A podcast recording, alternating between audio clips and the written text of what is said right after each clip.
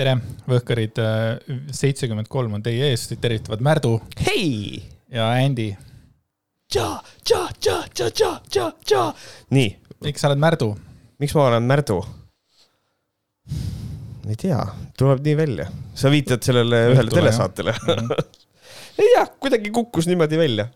uisud on juba jalga proovitud või? tead, ma proovisin neid jalga, sest tegelikult nüüd on niisugune, et ma äh, heidan pilgu äh, kulisside taha ka. Et äh, tegelikult ma ei saanud neid uiske endale, see on nali, sain küll. aga tegelikult oli niimoodi, et neid uiske oli kaks paari, oli vist nelikümmend neli ja nelikümmend viis ja siis need, mis seal olid, olid nelikümmend neli, siis ta ütles proovi jalga, et kui on väiksed, et me saame nelikümmend viis anda. ja kui need ka ei kõlba, noh siis me ei tea, mis teha. aga et, aga mulle nelikümmend neli istusid jalga, aga et ühesõnaga proovisin kohe peale saate salvestust, jah. et ega teistmoodi mind õhtut enam vaatama vist ei saa, et siis äh, kui et Märt on saates, siis tuli üle vaadata ja. jah, nüüd on kõik. ma ei tea, kõik ütlesid, et jube hea saade oli, ma ise äh, nagu ei vaadanud. Äh, kõik räägivad, et kuidagi olevat olnud tore, et aga ma olen üldse aru saanud, tegelikult see on, reitingud on sellel saatel ka head, et ta vist ikkagi läheb rahvale peale et fännikirju ei ole tulnud praegu rohkem? Äh, ei ole, aga Facebookis on iga päev äh, uusi vaatamisi. Äh, mul tuleb selle kohta notification'id, et siin oli niimoodi, kui enne saate eetrit ma vaatasin kaheksakümmend uut inimest on vaadanud mu Facebooki lehekülge, ma ei saanud aru, mis toimub, aga reklaam läks ülesse.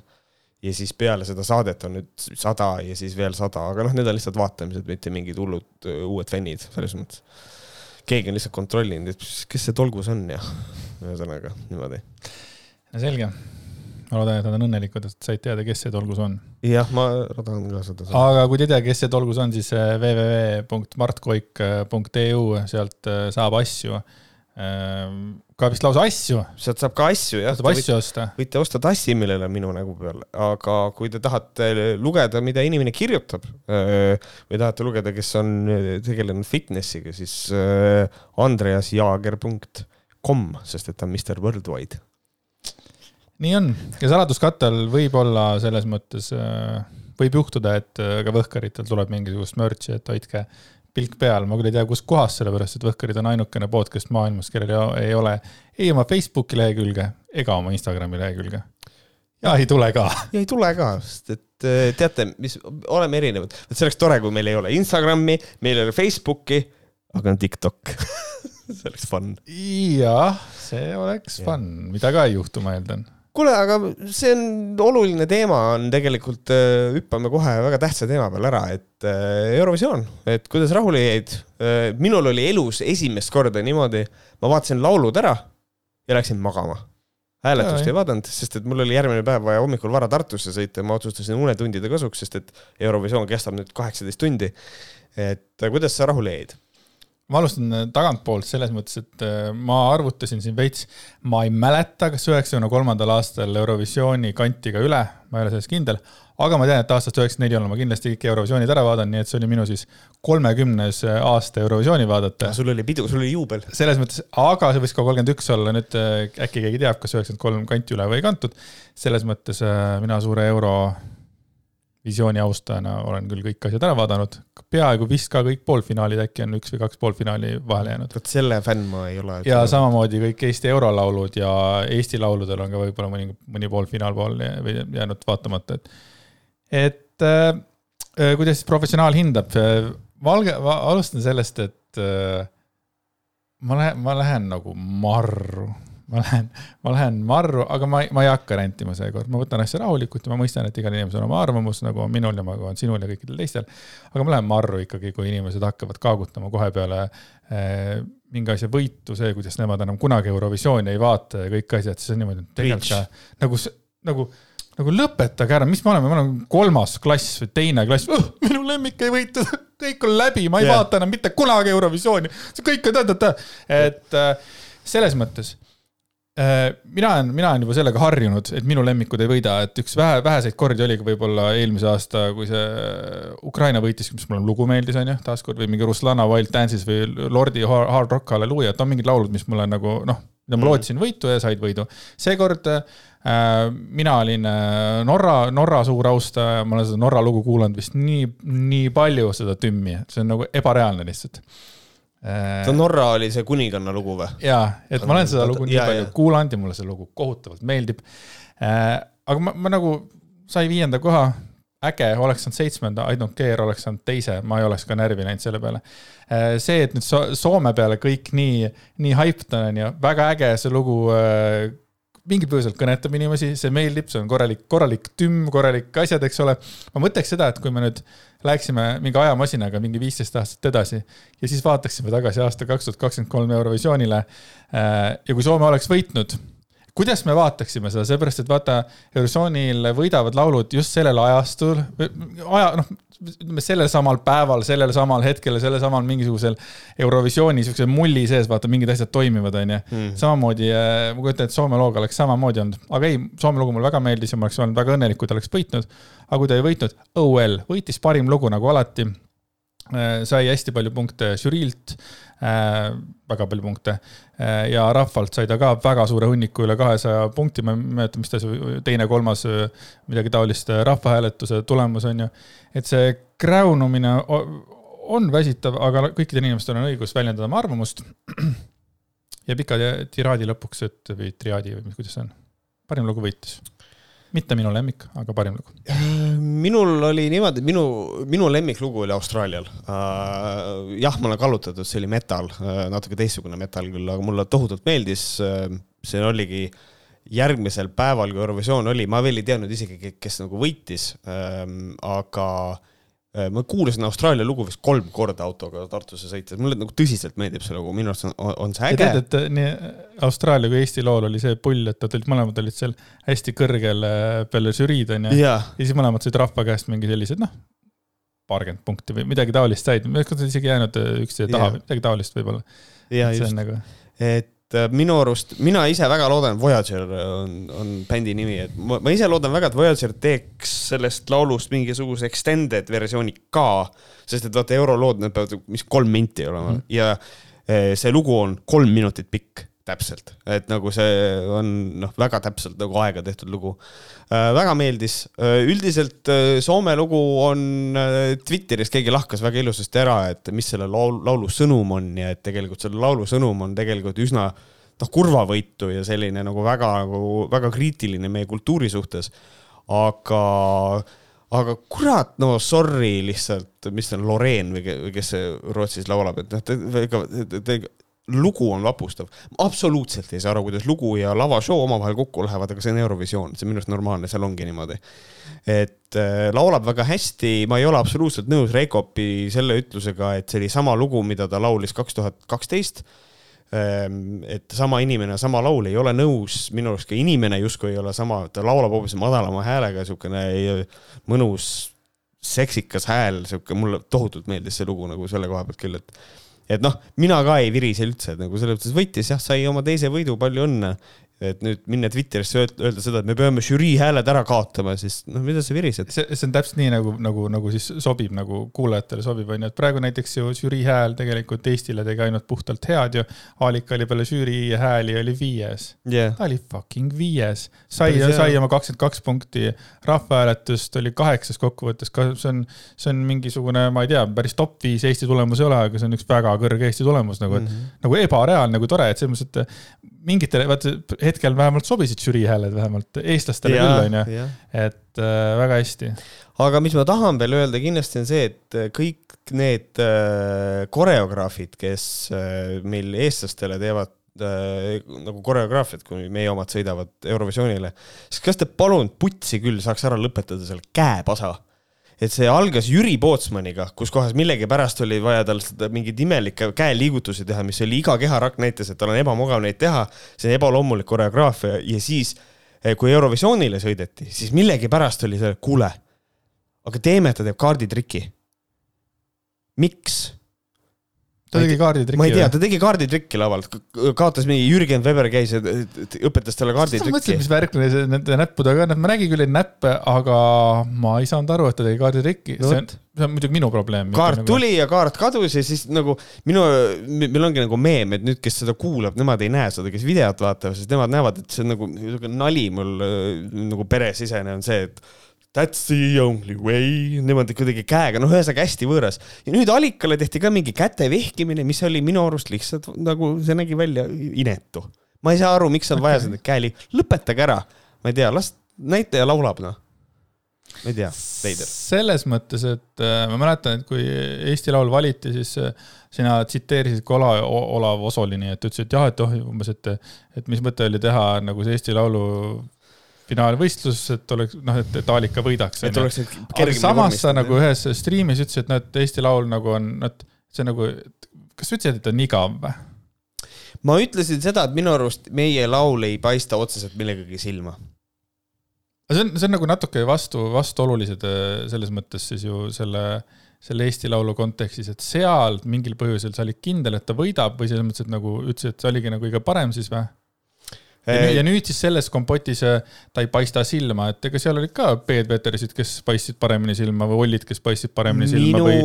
või, või Meeliku tuju või? sellele, ma viitasin pigem sellele, et Alika äh,, Alika võitis sellepärast, et ta on Alika Milova.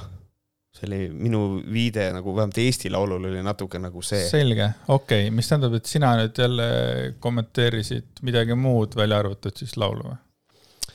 Ja mina, vana äh, nagu idealist, ma näen kõike lauludena.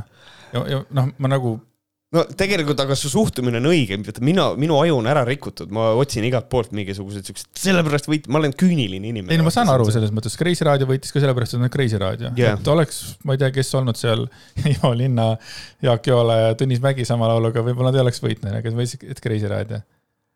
Mm, ma, nagu, minu arvates nagu Aalika laul peale selle, et see oli nagu imeliselt tehtud, imeliselt lauldud, eks ole, ja kõik mingi touch oli sees, on ju, selles mõttes Eestis on nii palju selliseid äh, ballaade olnud ja nendel on alati läinud hästi ju tegelikult.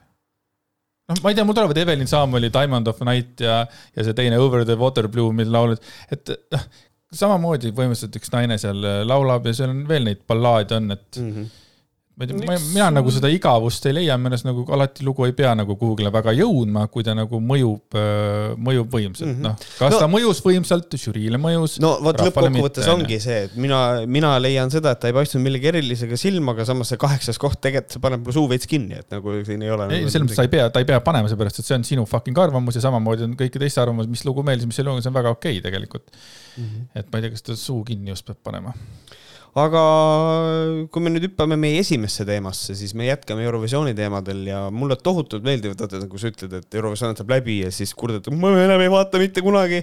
samal ajal juba ostetakse järgmise aasta Eurovisioonile piletid.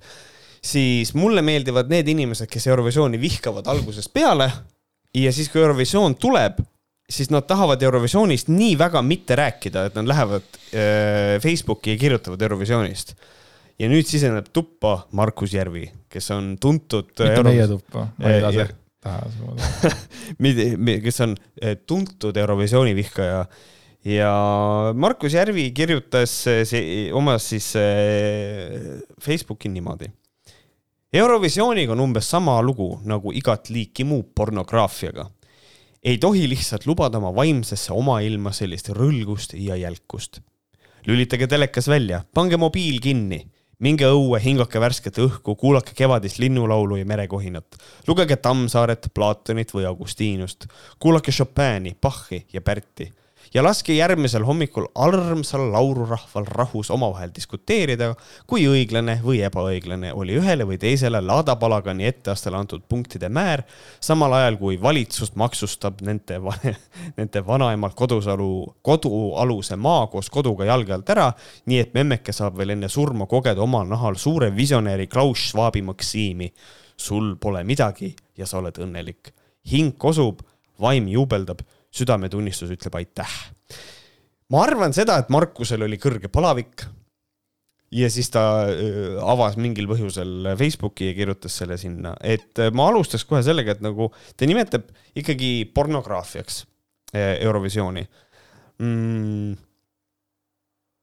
ma kahtlustan, et ta ei ole kunagi porn pornograafiat tegelikult näinud. ta ei tea vist, mis asi see pornograafia on sest et ta nimetab pornograafiat ka äh, rõlgeks ja, ja ka jälkuseks. et ma mõtlen seda, kas kahe inimese vaheline suguakt on äh, rõlge ja jälk. noh, võiks nagu öelda, et noh, see oleneb, onju, see võib olla, aga see võib olla ka ilus. ja nüüd pornograafia tähendab seda, et on nagu detailideni näha, mis toimub. kas pornograafia a priori on siis jälk? Ma ei usu seda. nagu ei ole, minu arust ei ole. ja siis mul tekibki, et ja siis ta ütleb, et Eurovisioon on pornograafia, ma saan aru, ta nagu paneb juurde, aga see on minu arust lihtsalt lollus kogu see kuradi pornograafiaga võrdlemine, ei saa aru. mind häiris ka see kõige rohkem ja kui ma võtan õssi lahti, eks ole, siis pornograafia on nilbed pildid, filmid, raamatud. Äh, ja Vikis ütleb, et äh, pornograafia on põhiliselt seksuaalse erutuse stimuleerimiseks Äh, stimuleerimiseks mõeldud teoste liik, mis tavaliselt sisaldab inimeste paljastatud kehade või kehaosade, suguelundite, seksuaalvahekordade või muu seksuaalsusega seotu eksponeerimist ja, või kirjeldamist, et kui te tahaks, et siis selle, kui ma nüüd Vikipeediat kasutades ütlen, et siis, et see on seksuaalse erutuse stimuleerimiseks mõeldud teoste liik, et selles mõttes nagu veits äh, Eurovisioonil kindlasti mingisugused äh, esitused on, mis seda teevad. ja me võime seda öelda, aga samal, aga, aga vaata, siis siseneb ruumi erootika, erootika ei ole pornograafia just, ja see ongi see, mis ma mõtlesin ka ennem, kui sa ütlesid nagu, et kas nagu, nagu seksuaalakt üldiselt on ju pornograafia, eks ole, et siis mõtlesin mm., et noh, aga kas erootika on tema jaoks nagu vastuvõetav seksuaalakt või, kas seksuaalakt on tegelikult, kui ka Markus Järvi selles mõttes, et noh no, äh, kui ka tema, äh, ei no kui tema astub vahekorda, ta ju on siiski ka inimesega äh, nagu füüsiliselt, ei ta astub, ta on füüsiliselt ikkagi nagu koos, see on ka väga lähedalt äh, ja väga detailne seksuaalvahekord, aga see selleks ähm, jah, ma tegelikult olin ka üllatunud ikkagi, et ta peaks seda, peab seda pornograafiaks, sest mina olin täiesti kindel, et pornograafia on siiski, äh, on siiski suguakt. jah, üldiselt. ma nagu saan nagu aru, nagu lähedalt. inimene võiks nagu nimetada seda nilbuseks või jälkuseks lihtsalt niisama, onju, et noh, Eurovisioon, see on jälkus ja ma saaks aru, mida ta mõtleb, aga siis on lihtsalt, et noh, see on jälle Markus Järve kasutamas suuri sõnu mingil põhjusel, nagu lihtsalt ütle, et on jäle, on Eurovisioon on jäle, kõik. aga. aga miks ta jäle on? ma ei, ei, aga selles mõttes, et ma olen kuulnud, see on jälle see klassi-, ei, see on see klassikaline eh, Facebooki kommentaarium, ei ma ei ole juba aastaid vaadanud Eurovisiooni, ei no kunagi oli ta veel lauluvõistlus, nüüd ei ole mingisugune oma propaganda ja kõik see asi onju. okei okay,, cool nagu ütleme, et seal on siis esitusi on mingi nelikümmend act'i või kolmkümmend act'i on siis seal, võistlevad seal koos poolfinaalidega, kolmkümmend viis, mida iganes, onju. palju on seda siis nagu nilbust või siis seda pornograafilist või siis seda homopropagandat või mis see on? kui ma vaatasin näiteks selle aasta Eurovisiooni ja ka eelmiste, siis, siis, siis tavaliselt on mingisugune üks-kaks võib-olla väljakutsuvat, aga siis korraga pannakse kõik see sinna ühte patta et tegelikult ei ole ka nagu mingit mingisugust süvenemist nagu äh, Markus Järvile tegelikult, mis seal Eurovisioonil toimub. no vot, see ongi minu nagu üldine soovitus Markusele on ka, et, et sa võiks ühe korra tegelikult nüüd nagu vaadata ka Eurovisiooni. et siis nagu näha seda, et see, kas seal on nilbeid asju, vahepeal muidugi on ja, aga see on ka, vaata nilbus on nii suhteline asi, ma arvan, et need trussikutes vanamehed ka on tema jaoks nilbed aga noh, kallis Markus, vaata Alika laulu, ütle, et see on nilbe, ütle, et see on nilbe, vaata võidulugu, ütle, et see on nilbe. noh, kas Soome lugu on nilbe? ma ei tea, aga need inimesed ei oska kunsti ka näha, need inimesed ei oska sõnumit lugeda kunstist välja, et selles mõttes mul on. Soome lugu on paljusid asju. Soome lugu on väga paljusid asju, minu jaoks ebameeldiv ka, ütlen ausalt, aga, aga noh, sõnum on selge, aga noh, ma ei tea, mulle ikkagi ei meeldi nagu mm. -hmm. ja siis on see, et lülitage telekas välja, pange mobiil kinni, onju. no siis ta, keegi ei saaks nagu seda lugeda, siis. aga mina, aga sorry, ma, pange mobiil kinni, mul on, mulle jääb siit selline mulje, et äh, Markusel on tegelikult see probleem, et inimesed kirjutavad talle nägid seda lugu või, seda lugu nägid või, seda okay. nägid või, ja siis ta lihtsalt enda pealt võtab. True, ei, aga ongi nii, mina võtan enda pealt, et räägin jälle sellest, et vaata Eurovisiooni on ju, aga tema yeah. võtab selle pealt, mis tema elus toimub ja kui ta kogu aeg on Facebook täis äh, Äh, message request'e, keegi on kogu aeg mingisugune häda, onju. ja lõpuks ta allus provokatsioonile, siis ta juba kirjutas juba ette ära, et näed. aga äh, ma mõtlesin selle, et minge õue, hingake värsket õhku, kuulake Evades linnulaulu merekohinat, okei okay,, väga lahe on ju, õhtul kell kümme peab seda ka minema, väsinud olen, aga olgu, lähen. aga lugege Tammsaaret, Platonit, Augustinust, aga kui ma ei taha. või siis kuulake Chopini, Bachi ja Berti ei koti, mis ma nüüd tegema pean? ma ei on... taha äkki kuulata aga seda. üldse, miks peaks lugema neid, äkki kellegi jaoks see nilbe, mis siis saab? no selle peale Markus ei ole mõelnud. vot. ja siis äh, kogu see ähm, lugu veel siin, et Laura lasti diskuteerivad, kui õiglane või ebaõiglane, noh, sel, see on mõnes mõttes okei okay,, noh, see, see on tegelikult seesama, millest meie rääkisime, et nagu kuulge, miks on vaja paukuda, ei saa aru. Öeldakse see..., et võitjat üle kohut ei mõisteta, ikka mõistetakse ikka küll ja siis äh, läheb ilusasti kõps-kõps, lähme hakkame kohe maksudest rääkima, et mingilt vanaemalt äh, võetakse maa koos koduga jalge alt ära. see on Nursipalu on ju? Äh, jah, põhimõtteliselt küll, aga kuigi ta ütleb maksustab, et nagu ma ei tea, et kurat, need vanaemad, vot sellega on ka probleem, meil on, meie vanaematest pooled elavad suhtelises vaesuses, kellel ei ole ressurssi, et oma selle maaga midagi teha, et lisandväärtust sinna lisada. Et tegelikult ongi targem see maa maha müüa, aga nagu see on eraldi, eraldi vestlus juba tegelikult. küll aga ma ei saa sellest aru ja siis ta ütleb, et äh, memmeke saab enne surma kogeda omal nahal suure visionääri Klaus Schwabi maksiimi, sul pole midagi ja sa oled õnnelik see, sul pole midagi ja sa oled õnnelik, siis see on tegelikult äh, World Economic Forumis üks essee või üks et, nagu etteaste, mida tegelikult ei teinud mitte Klaus Schwab aga seda tegi Ida Auken, ma otsisin selle igaks juhuks välja, sest et mulle tundus, et siin tehakse mingi faktiviga ja ongi niimoodi. et ja see, et sul pole midagi ja sa oled õnnelik, on väga levinud, see on see you own nothing and you will be happy. ühesõnaga, mida Ida Auken kirjutas, oli see, et tema üks nägemus tulevikust on see, et kõik asjad on nii-öelda renditud, et sul on kodus kallis külmkapp aga see ei ole sinu oma, sa maksad selle eest renti ja siis sul käidakse seda parandamas, kui see katki läheb ja kõik nagu selline, selline, selline ja siis äh, see on keeratud nagu noh, eriti siis nagu see kontingent keerab selle selle peale, et eraomand on nende jaoks jube tähtis. et sul ei ole enam eraomandit. Äh, aga tegelikult äh, kogu see ettekanne oli üks visioon, milline võib tulevik olla World Economic Forum on öelnud, et see ei ole ka nende eesmärk, et eraomand on endiselt väga tähtis ja ta ongi väga tähtis, sest et pluss me ei tohi ära unustada seda, et era, kui sa rendid mingi asja, siis keegi omab ikkagi seda külmkappi, see on mm -hmm. kellegi eraomand, see ikkagi sure. on, seega eraomand ei saa ära kaduda. et ähm, küll jah, seda võivad omada ettevõtted ja see on nagu, see on nagu separate teema aga, aga et see on natukene, ma olen siia kirjutanud ka, et äh, aga faktid on liberaalidele, et nagu selle koha peal tegelikult Markus Järvi paneb ikka jumala puusalt, et äh, niisugune tunne, et ta ei tea eriti, millest ta räägib, aga see ei ole esimene kord, kui see mees sellega hiilgab, nii et olgu olla.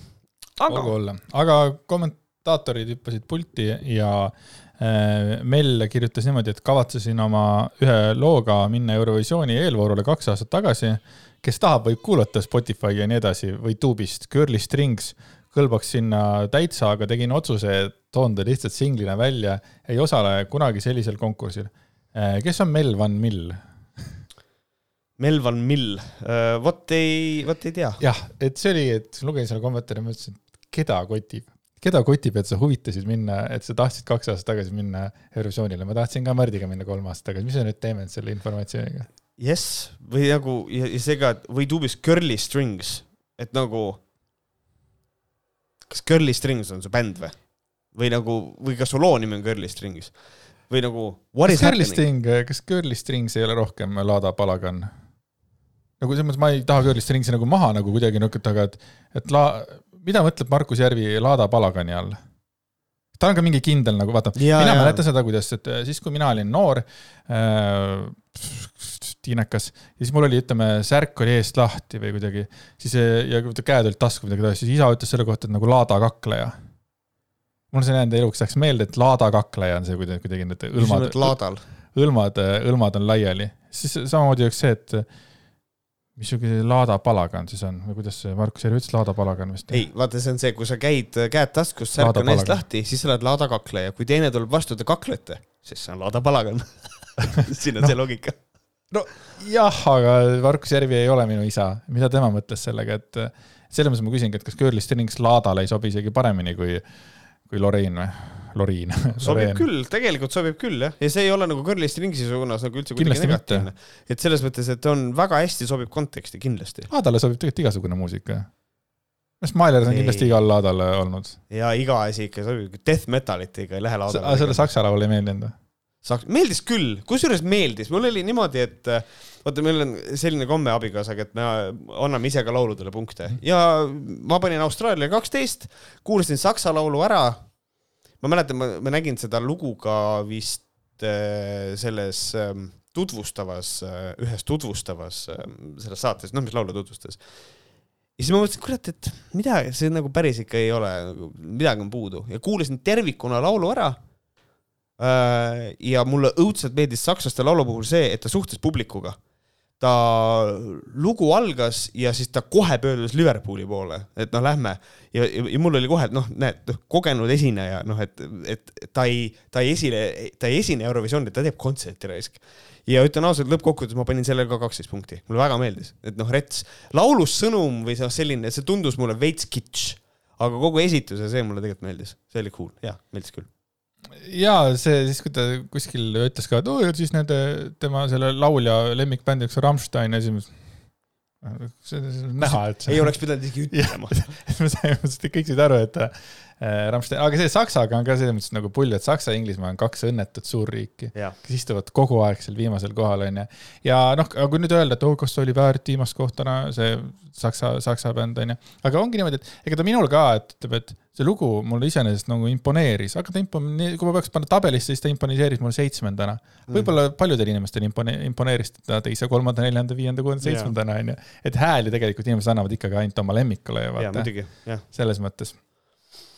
Siis tuleb väga ilus, väga ilus dialoog äh, Kaja ja Lauri vahel. Lauri Jürgenson, tuntud äh, inimene, kellel ei ole kodus mitte midagi, ta ainult kommenteerib igal pool. inimene, kes on bännitud minu Youtube'i kommentaariumist. Kaja kirjutab, kas näiteks Alika laul on palagan? minu meelest väga sügav, ei ole ilus kõiki nii-öelda ühe lauaga lüüa. ja Lauri vastab, on ikka ilus lüüa kõiki, kohe väga ilus. kas viisakas inimene läheks sinna? vanasti küll, aga nüüd kuna vanasti, kas see, ta mõtleb seda aega enne, kui tuli äh, siis nagu palagan ehk siis nagu äh, publiku hääletus või, siis kui vanasti oli see nagu, et kunagi ei olnud publiku hääletust, oli ainult žürii äh, Jah. hääletus. jah, kas siis, kas see on siis see nagu see kuldaeg või? aga kas siis ei olnud palagani või? vanasti, vaata see ongi see nii, ma vihkan seda, see on see konservatiivide kõige nõmedam see, noh, vanasti, millal, nagu kus see piir jookseb ah.? üks asi veel, mida ma nagu, mis mind häirib, nagu kõik muud asjad maailmas on see, kui öeldakse, ei noh, ei no see aasta ei ole üldse ühtegi head laulu ja kuule, türa, sul kunagi ei ole häid laule tegelikult, kui sa hakkad niimoodi mõtlema, iga, iga aasta jooksul, ei no ikka see aasta ikka ei ole üldse või mis statistikat sa kasutad, mine vaata fucking kõik need, need Eurovisioonid üle ja ma kujutan ette, et igale erinevad maitsed, mis kokku panna, leiavadki sealt mõned lood, mis neile meeldivad, aga ma kujutan ette, et kakskümmend laulu sealt ongi see, mis tegelikult noh, niinimetatud ei kõlba, vaata onju. aga see klassikaline, ei no see aasta ei olnud ühtegi, mis sul viga on, kas sa oled kõrvavärvides või? sa ei leidnud mitte ühtegi laulu või? jah. ja Aldo kirjutab, olen selle isegi kõntsa Märt, leidis kaks laulu, mis talle meeldisid. Austraalia. Olen selle Saksamaa. kõntsa oma menüüst juba ammu välja visanud, muusika on ikka hoopis midagi muud kui see, mis seal Euro palaganil propageeritakse, ehk siis väike antisemiitlik nali, et ta kirjutab euro asemel kirjutab Euro palagan äh,. Crazy, muusika on hoopis midagi muud, ei ole nõus, muusikat oli seal küll ja veel, sellist otsest, mille kohta võiks noh, lõppkokkuvõttes, kui me oleme nüüd väga kriitilised ja me mõtleme, mis asi on muusika, siis kõik oli seal muusika. klassikalisest mõttes siin võib võib- võib-olla mõne asja välja tuua, mille koha pealt on nagu see, et no see on vähe teada, aga ei, kõik valdavas enamuses ikkagi kõik oli muusika. aga nemad mõtlevad muusikat ikkagi ainult need, mis nagu tehakse vist nende päris pildidega. äkki on see keskaja muusika, see on kõige õudsem muusika, mis ma, mul on alati olnud, kui kuulan seda, seda keskaja muusikat, see on kõige õudsem aeg minu jaoks. jah. minule Ma tean, mida sa too- mõtled, mulle ei meeldi too muusika absoluutselt. vot, kas sa oled kuulanud Youtube'ist äh, mingisuguste populaarsete lugude keskaegseid äh, versioone nagu jaa, olen küll jah. oled? Mhm. et see on ikkagi tegelikult see on siuke, aga kui me hakkame nüüd võtama tagasi, vaata iga eelnev generatsioon tolle jaoks on too õige muusika, see, kes kasvab üle, kasvas üles Elvise ja mingid sellistega, ei no see oli ikka õige muusika, tehti head muusikat, siis mingi kakskümmend aastat hiljem oli mingi, ma ei tea, mis asi, ma ei tea, mingi Queen või mingi Led Zeppelin, see on õudne, aga nende jaoks on see õige muusika, vaata yeah.. ma ei tea, minu, minu generatsioon kasvas isegi tegelikult tantsumuusikaga üles, mis tähendab, et mingid Hadaway, Władyslavid ja Doktor Alb It's My Life'id, see on see, millega meie üles kasvasime. meie ei pea seda kõige õudsemaks äh, muusikaks ever, mida ütleme, peab võib-olla generatsioon enne seda näiteks ja nii edasi ja nii, nii, nii see tegelikult ja nii see lähebki, et noh, see on, ei, see on jumala õige jutt, noh, tegelikult mõtleme selle peale, kui keegi ütleb, et ei noh, Elvis oli, vot Elvis oli kõige nagu musamees, aga tuletame meelde, mis Elvisel oli probleem. Elvise probleem oli see, et teda ei näidatud puusadest allapoole, sellepärast et eh, see, kuidas ta tantsis, oli liiga groteskne, mida näidata televisioonis. see oli liiga suur palagan, see oli liiga jälk ja rõve, kuidas see mees tantsis mm. -hmm. et tegelikult see täpselt seesama jutt, mida praegu on Eurovisiooni kohta räägitakse, et noh, see on lihtsalt, see on naeruväärne möla, sorry. nagu võiks natukene õppida minevikust, aga ei, ei, milleks ei, ei, ei, ikka see kõik vanasti oli õige, vanasti oli hea. Aga lähme hüppame kähku ühe väikse teema. Kristjan Suve kirjutas Facebookis ühe kommentaari. teen üleskutse kõigile eestimeelsetele eestlastele, kui riigiametnikud, riigikogulased, ministrid ja nii edasi ja nii edasi tegelinskid varastavad kas otseselt või kaudselt riigi raha ehk maksumaksja raha, siis tavakodanikud, ettevõtjad ja nii edasi ja nii edasi, ärge makske makse varastage riigist nii palju kui võimalik, vähemalt nii kaua, kuniks neokommunistid on valitsuses, kuidas küla koerale, nii koer külale. küll need värdjad siis lõpuks saavad aru, et võim kuulub rahvale. mulle väga meeldivad, kui on inimesed, kes, kes arvavad, et nad on revolutsionäärid, aga tegelikult nad ei ole, et ärge makske makse. see inimene ei kujuta ette, kui keeruline mitte makse maksta. nagu selles mõttes, kui sa saad nagu, siis on kõige lihtsam juba, siis ühesõnaga, ühesõnaga, kui mitte keegi, kui otsustame nüüd, et nii, homme ei maksa mitte keegi makse, siis lõppkokkuvõttes see tähendab seda, et riiki tabab ju kollaps. ja kas siis see on see, mida meil on nagu vaja või? kindlasti mitte. selle peale ta kuidagi ei mõtle. ja milline üllatus, tõrvik on käes pildi peal. Tirv-, aa, tõrvik on käes või? On jah, no ikka, ikka. milline üllatus. milline üllatus. isegi kaabu on pähe pandud talle äh, Facebookis, aga ei, ma olen ka mõelnud selle peale, et, et nagu mina, noh, mina ei, ei tea, kuidas tegelikult kogu see süsteem käib, kogu see, no mis iganes süsteem, kuidas kõik need rahad lähevad, kus, kus, mis, kus kuidagi läheb, onju. see vend ei saa ikka midagi aru, et oi, nüüd on Kaja Kallas on seal eesotsas, ärge makske makse, kõik on nii, aga kui nüüd kohe maha võetakse Kaja Kallas, mis siis nüüd siis on? Siis on ju riigi, ütleme, et me ei saa, me ei maksagi keegi makse, teeme näo, kuidagi suudame selle läbi närida ja Jah. pool aastat keegi ei maksa makse. nii, siis tulevad erakorralised valimised, kus ühel või teisel, või ütleme valimised, neli aastat keegi ei maksa makse, kõik on rentslis, riik ei suuda teha mitte midagi, meditsiinisüsteem on kokku kukkunud mm, -hmm. ERR pannakse kinni, ERR-i juht äh, teeb oma riigi kuskil kuradi äh, Läänemeres väikse saare peal, mida iganes, kõik siukene asi, siis tuleb EKRE võimule. Ja siis on nagu see, et nii, nüüd tehke riik korda, palun ja see väga. ongi see, et ta ütlebki, et vaata vähemalt mitte nii kaua, kui need äh, Neokommunistid. kuniks neokommunistid on valitsused, okei okay?. ja siis, kui nüüd ei maksa ja siis tulevad need, mida siis EKRE ütleb tegema, hakkab makse tõstma või?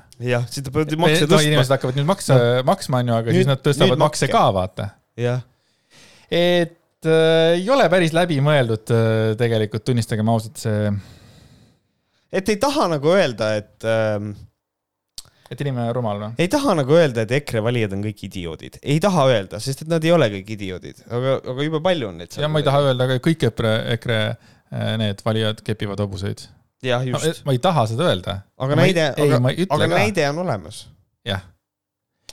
ja, aga kindlasti lähme nüüd edasi palju lõbusama teemaga, milleks on see, et naised ei taha lapsi saada ja see teeb meelehärmi äh, ühele toredale härrasmehele nimega Varro Vooglaid. ikkagi Riigikogu liige. ja ma loen selle ette ära. Sorry, ma ei lase sul lugeda, kas sa Ära. nägid, et Varro Vooglaid tegi Riigikogus sitaks hea nalja, nagu päriselt ka kas see oli ka sinu arvates hea ja, ja mulle väga meeldis see, et sa seda tähelepanu pöörasid, seepärast kui ma kuulsin selle ära, siis ma vaatasin ka striimi samal ajal või natuke hiljem järgi, vaatasin selle ära, mõtlesin, päris hea, nagu see on see enda, noh, nagu kuradi, tõmbad endale nagu, nagu, nalja enda üle. enda üle, aga see oli, ühesõnaga, kes ei tea, nagu ööistung, siis äh, seal meil toimub praegu suur räme obstruktsioon ja siis Varro Vooglaid e- esitab protseduurilise küsimuse, et kuna ööistung on pikk ja tuleb lipu heiskamine, et kas meil on kombeks kuidagi nagu siin saalis ka, kas me tõuseme püsti või kas me laulame hümni kaasa, et mida me teeme, sest et vastasel juhul, kui keegi meid praegu vaatab, siis neil võib jääda mulje, et Riigikogus on, et inimesel on ükskõik, mis värvi lipp seal Pika Hermanni tornis lehvib just, ja see oli sitaks hea nali, Varro Vooglaiule mad props, päriselt, see oli väga hästi tehtud nali. aga positiivsed asjad kõrvale, mis ta Facebookis kirjutas? Äh, Facebookis ta kirjutas, oota, ma mõtlesin pealkiri ka siis ma ei taha emaks, naiste avameelsed ülestunnistused tõesti ei soovi välja veninud ripprindu, venitusarmidega kõhtu, ülekaalulist keha. selline artikkel on siis sellises asjas nagu Anne ja Stiil. Ja Varro muidugi siis tegi screenshot'i ja siis kirjutas, seda on raske sõnadesse panna, kui sügavalt tülgastav on näha, et isegi emadepäeval peavad Delfi ja teised sellised väljaanded emadust madaldama, näidates seda millegi koleda ja eemale tõukavamana. külvatakse seemneid, millest võrsub meie riigi häving. vastik, vastik, vastik. rahva häving. mis mulle väga meeldis, on see, et äh, äh sellesama Anne, Anne Stiili artikkel algab sellega, kuula nüüd ometi ei hakka kolmekümnenda eluaasta piirimaile jõudes naise bioloogilisel kellal valvsalt silma peal hoidma mitte ainult lähedaste ring, vaid ka võõrad onud poliitikutoolis. ta arvatavasti ei lugenud seda. ilmselt mitte, jah. sest et ta, ta nagu. see on, see on nagu veits nagu... ühesõnaga seati ämber pandi suur, suur ja, silt, et kui sa ja. seda silti loed, siis ämbrisse ei astu. vana läheb kõmm, astus ämbrisse mm. -hmm. täpselt siuke moment. kohe et. ma ähm, eeldan jälle, vabandan Varro ees, kui ma eksin, aga ma eeldan, et ei ole seda artiklit lugenud. sest et äh, ma saan nagu natuke aru võib-olla sellest, et kui peal, vot ongi, vaata pealkirjad nagu keevitatakse, et nagu klikke saada, vaata mm. -hmm. et ilmselgelt see artikkel ei ole päris nii must ja valge, võib-olla see nagu see pealkiri ütleb mm. -hmm. seal on nagu ka muud sisekaemust ja asja, eks ole jah, ja samas on ka väga väär nagu tõlgendada seda niimoodi, et Delfi nüüd tegeleb nagu emaduse nagu hävitamisega või nagu laste järelkasvu hävitamisega, vaid ma leian seda, et äh, on olemas naisi, kellel on põhjused, miks nad ei taha lapsi saada ja sellest on, võib ka rääkida. see ja see on ju see sõnavabadus, millest ja, äh, räägib äh, EKRE osakond kogu aeg, onju. mingil põhjusel on okei okay,, et Harri Kingo räägib, kui rõvedad on äh, imetavad emad mm. -hmm mis aga... on ka loomulik äh, osa, eks ole, aga noh, jah, see on veider. inimesed räägivad, et nad ei soovi Hea, saada. seda ütlesid, see on päris hea näide, jah. siis, siis on jälle muidugi häda, häda kui palju. ja, ja siis, kuna Varro Vooglaid ei taha ropendada ja inimesi putsi saata, siis ta kirjutab, et ma ei hakka ütlema, kuidas oleks kohane nimetada peatoimetajat, kes lubab väljaandes, mida ta juhib, emadepäeval sellise pealkirjaga artikli mida ta mõtles või mida sina, mida sa tahaks öelda ütle üks sõna, noh põrsas jah. ma ei tea. ja siis siseneb ruumi Kristi Loigo, äh, meie kõigi, äh, meie kõigi äh, ema. ja ja, ja minu ekssõber Facebookis ja kirjutab Varro. taolisi lugusid kirjutavad naised, keda mitte kunagi ükski mees päriselt ei taha. väga irooniline on niimoodi kirjutada. Neil puudub perekonna loomise võimekus. nii lihtne see ongi Need naised ja mehed, kes taolist jura ajavad, pole iial kogenud päris mehe ja naise vahelist armastust, ammugi neid rippuvaid rindu ja kõhtu. nelja poja emana kinnitan, et see kõik on seda väärt um,. huvitav küll on see, et on inimesi, kellel on erinevad väärtushinnangud täiesti uskumatu, et on seda endale ette kujutada, aga teine asi on see ka, et minu arust on kommentaar oluliselt tähtsam. See, et naised ei taha endale rippuvaid rindu ja kõhtu minu arust see ei kõnele selle nagu, see on sellesama kultuuri süü, mis käsib naistel olla prinki ja ilus kogu aeg. Need on need ähm, ilunormid naistel, mida on vaja kogu aeg täita ja sellest tulenevalt on nagu see, et emadus toob kaasa, mitte igal juhul, sest et see ei ole ka õige, aga võib kaasa tuua mõne inimese puhul seda, et tal on siis rippuv kõht ja rippuv ja, ja rippuv rind, ütleme mis tähendab, et ta ei vasta ilunormidele, mis nagu, see on omakorda, see on, see on, see on hoopis sügavam probleem, see on nagu selle kultuuri probleem hoopis minu arust. aga, aga milleks äh, näha asju nagu noh, sügavalt, milleks, võime olla ju pealiskaudsed minu jaoks on jälle vastik see, kus tema võtab äh, õiguse lihtsalt öelda seda, et neid lugusid kirjutavad naised, keda mitte kunagi ükski mees päriselt ei taha. türa, kes sa oled? kes sa oled niimoodi ütlema üldse? äkki on no. ja rääkima sellest, et asi võib olla just vastupidiselt jah, just ja siin ongi nüüd tegelikult meil on, juhtub siin nagu selline asi, et me veel täna räägime sellest, äh, sellest sarnasest äh, nagu mõttest veel edasi ka. et mis on see, et mis on see, miks mees naist tegelikult tahab ja nagu siin ongi see, et mina ütlen seda, et mees ei taha naist alati sellepärast, et äh, et saada lapsi. alati, et, ma, ma et isegi noh. lisaks juurde, et enamasti ei taha mehed naisi sellepärast, et äh, saada nendega las-, lapsi, vaid äh, see soov tekib olles inimesega koos.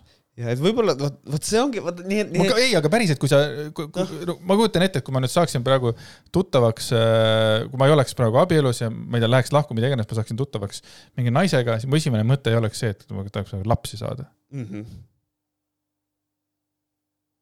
Ma ei tea, see on. või sul on või sul oli või nägid Liisat esimene asi, ei, this is going to be Kind- a mommy. kindlasti, kindlasti mitte, nagu noorena on need asjad ikka hoopis teistsugused, aga hea küll, las, las olla, nii. Helen Lassen äh, kirjutab, nad ei tea, millest ilma jäävad, kõike positiivset ja imelist, mida üks uus inimhing endaga kaasa toob, seda väärivadki vaid, seda väärivadki need naised, kes seda päriselt hinnata oskavad.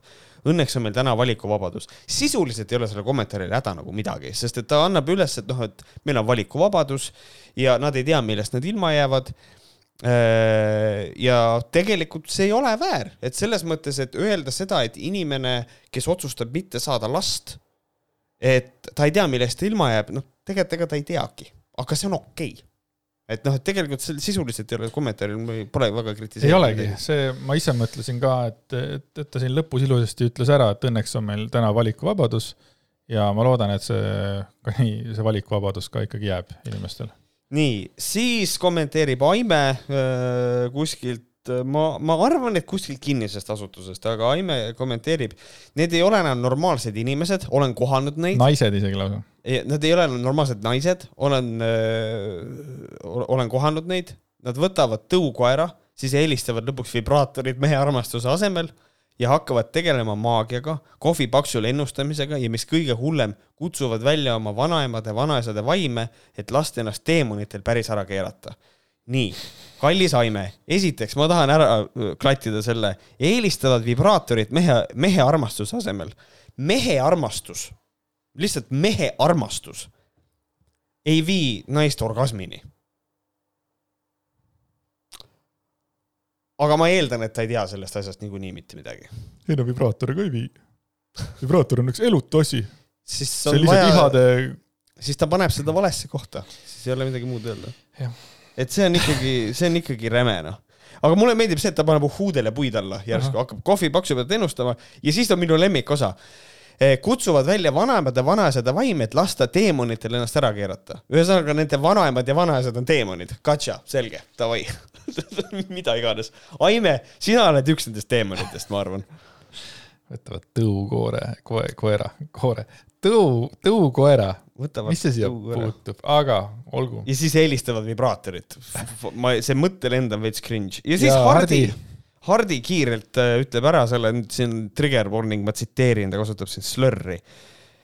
kui palju töötab Delfis värdjaid, lurjuseid, sataniste ja pederaste?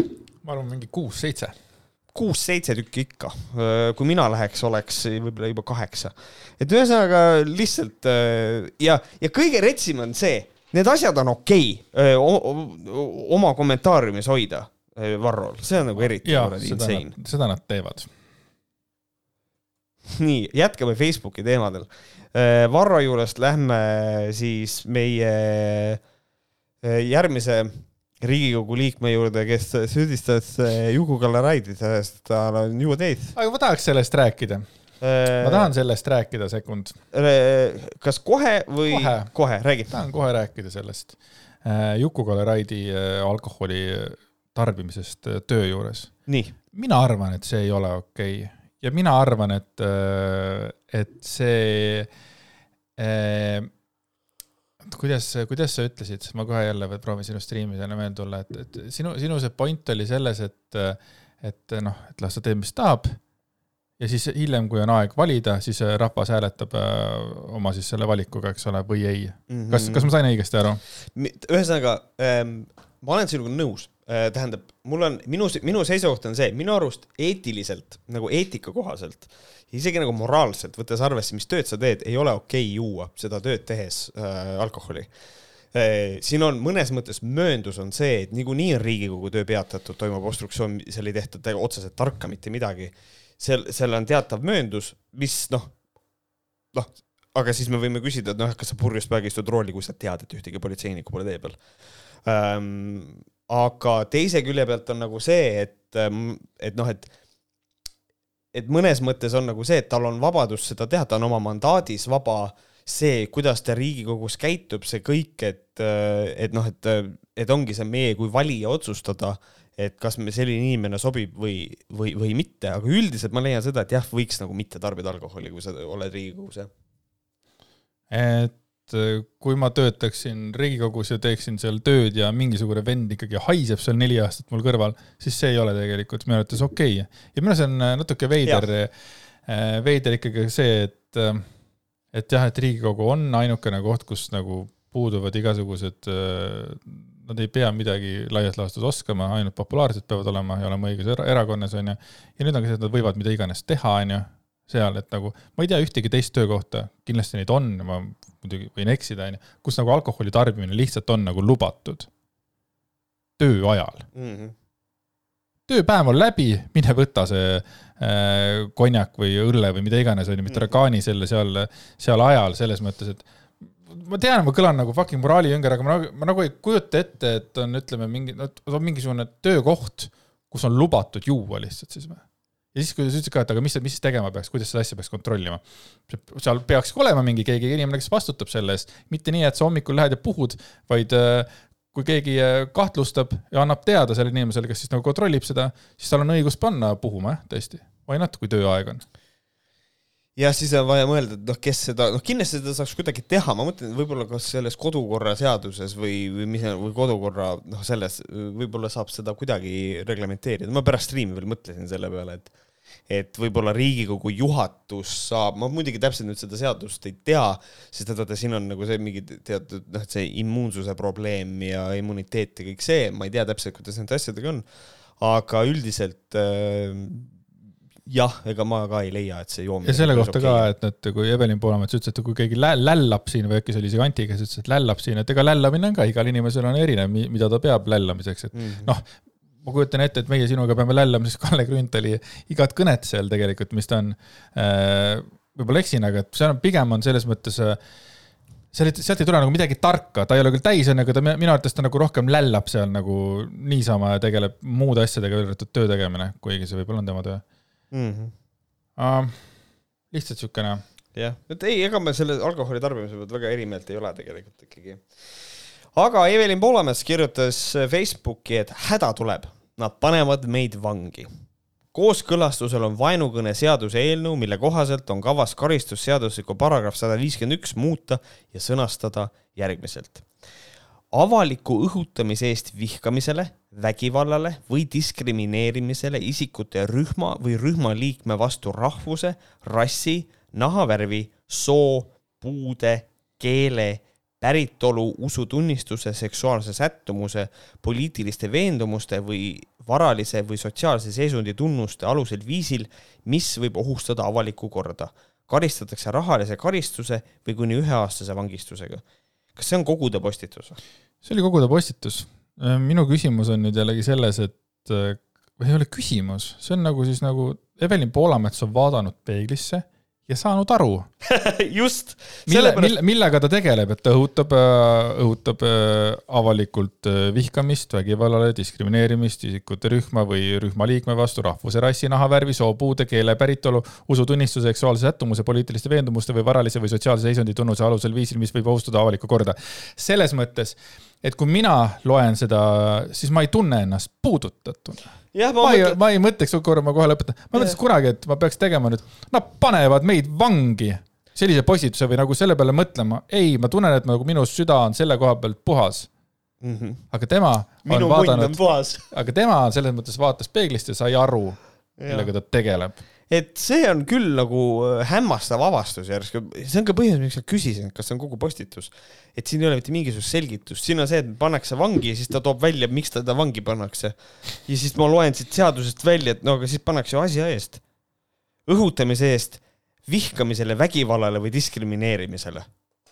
õudne küll. ja see postitusel on veel juures ka lihtsalt äh, pilt, kus need äh, nagu käerauad, käerauad jah, käerauad jah. et ikkagi veel dramaatilisemaks seda asja kuidagi teha ja siis on kaks inimest, oleme välja toonud ka kommentaarid, kes Einar Kudevita ütleb Made up name. mul on nii palju, see on nagu mingisuguses slängis, et oled, ma ei tea, veits naisi objekt, objektifitseerib, aga no oled naisega maganud ja siis teine mees küsib, noh, Kudevita! Mingi, mingi kohalik murrak, aga ühesõnaga kommentaar on selline kas refirottide jaoks kohaldatakse mõni uus vangla, neid ju normaalsete inimestega koos hoida ei saa. okei okay.. ja siis. Cool, cool nali loll ja siis Raimond Saarekivi, see on ilus, ilus, ilus nimi. Eesti fašistliku valitsuse soov on teha täielik vaikiv ajastu. jah, kui me keelame ära vägivallale üleskutsumise, siis see on täiesti vaikiv ajastu, tõesti. Jah, nad lihtsalt on tööd teinud äh, palju toredaid inimesi. rääkides sellest, kes on selle kallal tööd teinud, siis äh, Varro Vooglaid, taas äh, puudutame tema väljavõtet Facebookist. ja ta kirjutas niimoodi kaheteistkümnendal mail, kui te tahaks, kui see on väga oluline mis abieluvõrdsus see selline on, kui nii-öelda võrdset õigust abielluda ei tagata ei sugulastele, näiteks isad-tütred, või miks mitte ka isad-pojad, kolmest ja enamast inimesest koosnevatele kooslustele ega ka juriidilistele isikutele pole ju võrdsust ollagi. ehk kui abielu institutsiooni tähendus juba võrdsuse loosungi all hävitada, siis tehkem seda vähemalt loogiliselt, järjepidevalt ja täielikult. kas see on ka nüüd loll või? see on nüüd ka nali, see on jube hea nali. mingi ägeda nalja, et lihtsalt lükata veel kaugemale seda mõtet nagu, et ehm,. Olles, ta ise on mitme tütre isa ja minu arust on hästi kummaline mainida, et isa, just nimelt isa-tütre ja isade-poegade suhet siin kohapeal mainida, see tundub mulle lihtsalt cringe ja veider, aga aga noh, see on minul enda isiklik teema, sest et seda tüüpi naljad näiteks mina ei suuda neid enam teha, olles isa, ma ei suuda teha, minu arust on jube ebamugav. Nüüd sugulussidemed abiellumisel, tõsi, on äh, tegelikult perekonnaseaduses keelatud ehm, aga minul on üks niisugune väikene unistus, et kui nüüd äh, ja ilmselt mingil hetkel keegi seda ootan huviga. on see, et hakatakse noh, nii-öelda verepilastajad ja need hakkavad ka rääkima või siis äh, ütleme siis zoofiilid, noh, vaata on need, varsti võivad nemad ka teha. laibaga hakatakse. just, aga me ei saa välistada seda, et keegi ei hakka push ima seda agendat, me ei saa seda välistada mitte kunagi. ja mind nagu väga nagu, mulle väga meeldiks, kui tuleb äh,, ronib püünele mingisugune grupp, ma ei tea, ütleme siis zoofiile kes ütlevad, et me tahame, me tahame loomadega abielluda. näete, isegi Varro Vooglaid on öelnud, et ja siis on näha, et Varro Vooglaiu postitust tuuakse näitena nagu sellest, et mismoodi tegelikult näete, see loogika on siin. et nagu selles mõttes, kallis Varro, kustuta see postitus ära, sest et suht cringe on sul pärast nagu sinna auku kukkuda. jah, pärast selgitasid, mida sa jälle mõtlesid, nojah, aga sa ju ütlesid. aga, aga minul on nagu see, et sugulustel omavahel abielluda, vaata siin on see, et noh ma saan aru, ta teeb nalja, aga nagu selles mõttes see on ka nagu lollakas auk, kuhu astuda, et nagu tüüd, et noh, tegelikult sellel, miks mitte abielluda, et sellel mõnes mõttes on selline vaikselt nagu piirav vorm on nagu see, et me ei taha eh, nagu seda inbreeding ut nagu noh, mitte propageerida, aga mitte, et see oleks nagu lihtsustatud, et kui sugulased omavahel ei tohi abielluda, see veits nagu lihtsustab seda asja nagu selles mõttes, et et noh, et seda väiksem on tõenäosus, et, et seda tehakse ja et nad saavad järglasi ja siis nagu nii-öelda see eh, geeni, kuidas see gene pool, et see nagu kannatab, et siin nagu võib-olla seda natukene on, natukene eugeenikat või nii. aga minu arust lihtsalt loll, loll asi, millest nagu rääkida, eriti tead, noh ühesõnaga, las ta olla mhm. see võrdsuse nalju on nii palju tulemas, ei no sama hästi võrdsed, ma ei tea, mingid kaevajad ja mingi ma ei oska paremini seda öelda, aga, aga need nagu, need, need naljad nagu lähevad järjest rohkem nagu, nagu nad triivivad minu arust nagu kaugemale ja nagu absurdistavad seda nagu teadlikult, ma arvan, nad teavad, mida nad teevad ja see ja, töötab ja. nagu sellele, eh, kes neid kuulavad ja vaatavad. aga mitte meile, kuigi me kuulame ka. jah, ja siis alla tulid loomulikult, kuna Varro on esikoomik, siis teised koomikud on järel, Eve kirjutab. esikoomik on Varro Vooglaid, ma mõtlesin, et Harri-Mati Mustonen Harri-Mati Vooglaid. Äh, Eve kirjutab, no ma tahaks abielluda kartulisalatiga, milleks takistada armastust? minu arust abiellu, lase käia, et mitteametlikku abielu võid ka sõlmida, kutsu endale inimene, ma võin tulla ise kartulisalatiga. tohutu kartulisalat ise, kui ma nägin seda äh, kommentaari. siis tuleb. ma saan aru, miks, Karts alati is awesome. jaa, absoluutselt. siis tuleb Malle Pärn. Mina näiteks tahaksin abielluda oma autoga, sest tema on minu kõige ustavam sõber. see on veits kurb armas, ei, see on nagu cool ja armas, sest et äh, ma ei teadnud seda, et Malle Pärn on autopede. nagu like for real. Kui inimene soovib oma autoga, mul on Bemmi luuekommid. kui ta soovib oma autoga abielluda, siis, siis see ei ole nagu päris lihtsalt nagu sina vaata jälle, toome sinu näiteks, kes ütleb, et auto on ühest kohast teise sõitmise vahend. jah, tarbese. noh, ei ole vaja kiletada nagu mingi teine vend või siis nagu Malle Pärn, kes tahab tegelikult autoga abielluda. jah, just. Amazing tegelikult. Valtrik Pihl kirjutab, mõni valitsusliige on vist küll vennaõe voodielu tulemus. kes?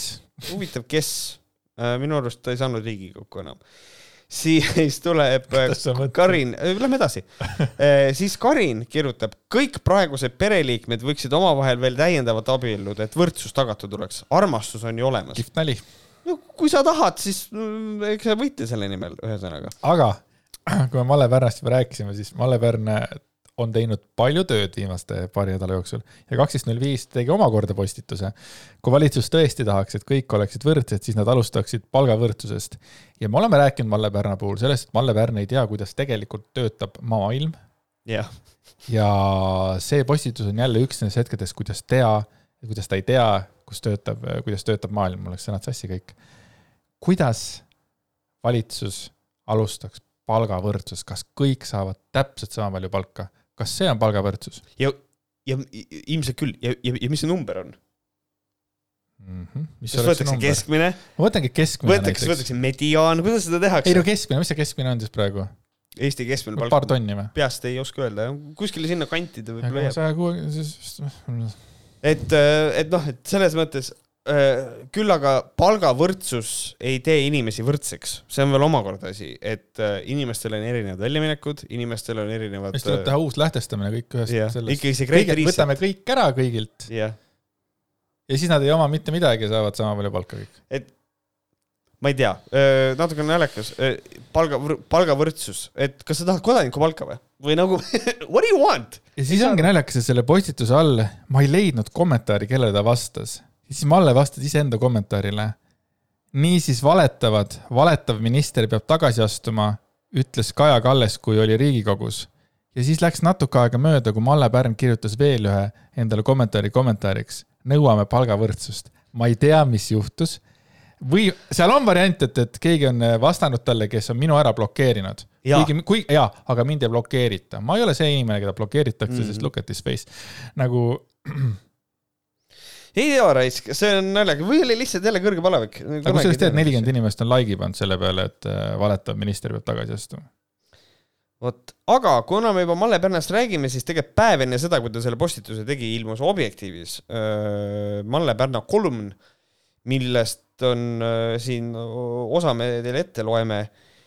Malle Pärn, abielu ei saa kohe kuidagi olla sooneutraalne ja Malle Pärna kirjutised on alati hästi, ühesõnaga hakkame lugema ja kommenteerime siis minnes ema instinkt naises paneb ta armuma mehesse ja isa instinkt mehes paneb ta armuma naisesse. see instinkt on ju armastuse alus.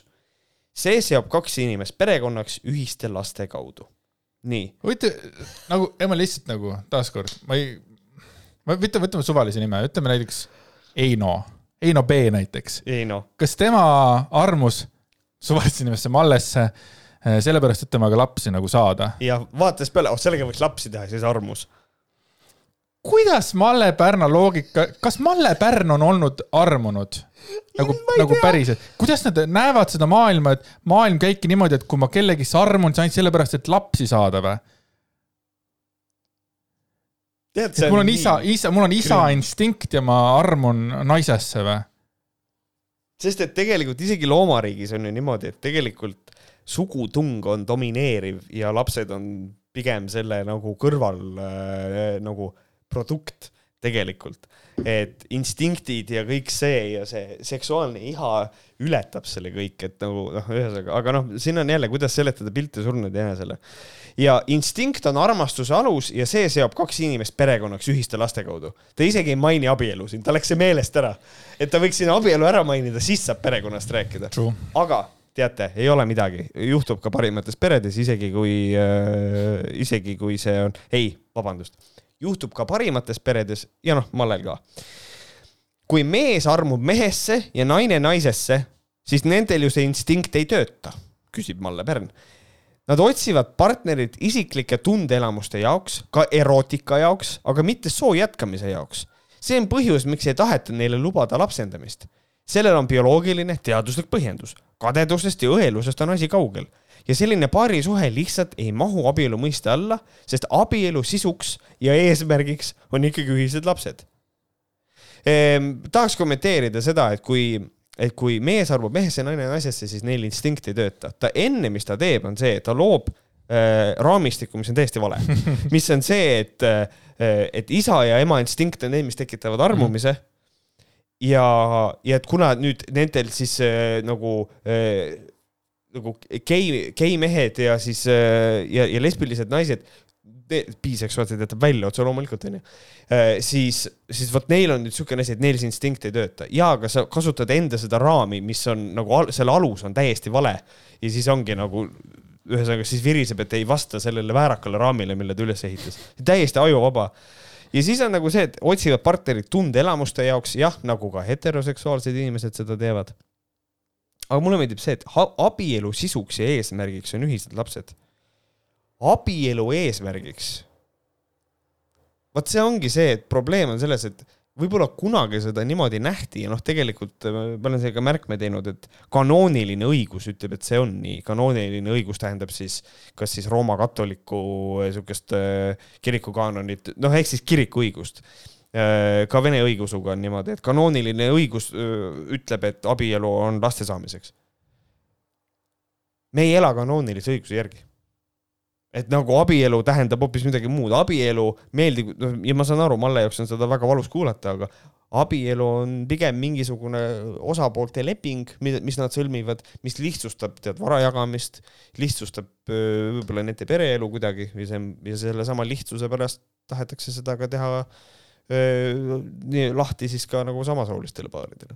seal see point ongi mm. -hmm. ta joonistab ise mingid raamistikud ja tegelikult omades ju üldse mingisugust no, kogemust ka ju mm. -hmm. ta isegi oma kogemuse pealt hakata praegu terapeudiks just, isegi nii ei saa. kui te tõesti teisiti ei saa, siis teie isandad Brüsselist suruvad teile seda peale, siis tuleks abielu võrdsuse kehtestamist alustada sellest, et kuulutatakse omavahel võrdseks erinevad suhtumised sellesse ja ajakirjandus annab võrdselt sõna nii ühele kui teisele vaenulikule poolele, sest vaenulikud on mõlemad pooled, nii traditsioonilise perekonna ründajad kui kaitsjad mul, ta ütleb välja, et ka kaits-, et traditsioonilise. suurem, suureks on teinud wow. mõlemad pooled wow.. et öö, vaenulikud on mõlemad pooled, tuleb välja mm. -hmm. mina tahaks teha mingi statistikat kuskilt nüüd, et, et nagu siis ajakirjandusest nagu vaadata praegu palju neid kaitsjaid ja vastu Äh, argument on, seepärast ma kuidagi näen rohkem ainult neid vastuargumente mm. -hmm. Yeah. hashtag Postimees. hashtag Postimees, Postimees väga, väga siis, väga selgelt on saanud raha või tähendab, mitte ei ole saanud raha, see on absurdne äh, on võtnud seisukoha öö, selle abieluvõrdsuse suhtes praegu süüdistatakse vihkamises ainult perekonnakaitsjaid ja sooneutraalsuse jüngrid oleks justkui nagu rahuinglid. no ütlen kõrvale, et selle põhjus on see, et tavaliselt kui on perekonnakaitsjad kasutavad igasuguseid ebameeldivaid slörre, kutsuvad inimesi värdjateks, ütlevad, et eh, tegu on ebarditega, samal ajal kui teine pool lihtsalt ütleb, me tahame lihtsalt abielluda. aga kui sa mäletad, siis kõige parem kaaslane Kevin ütles, et ta ei saa vaadata heterosid tantsimas True nii et jah. kõige naljakam on see, et Kevin töötab seal, mis see on, kvartalis vist või, kvartal mm -hmm. jah. ja siis, kui, kui lähed sinna nagu see liftiga üles, et sinna sellesse nagu esimesele korrusele saada, siis esimese asjana tuled sealt välja, siis ta töötab seal äh, ilupoes mm. iga, iga kord, kui ma välja astun, noh, ta alati on kuidagi tööl ja ma näen teda ja mul tuleb iga kord meelde, et talle ei meeldi, et heterod tantsivad ta on nagu rik-, ta on nagu rikutud mu jaoks. sa võiksid tantsida midagi, kui sa teda näed. nii, aga nüüd läheb asi väga koledaks. ometi on nemad selle sõja alustanud. Nagu Vene väed tungisid Ukrainasse, nii hakkasid LGBT sõjaväed ründama abielu mõistet ja nende eesmärgiks on selle okupeerimine. vastased sunnitakse alla andma ja suunatakse ümberõppele. Nad ei taha ju võrdsust, nad tahavad ülemvõimu. ma ütlen ausalt, jättes kõrvale selle koleda Ukraina mainimise, siis ma, ma olen suht lost ja ma ei saa aru, millest ta räägib. lihtsalt ei saa enam aru. aga, aga noh, mis seal ikka.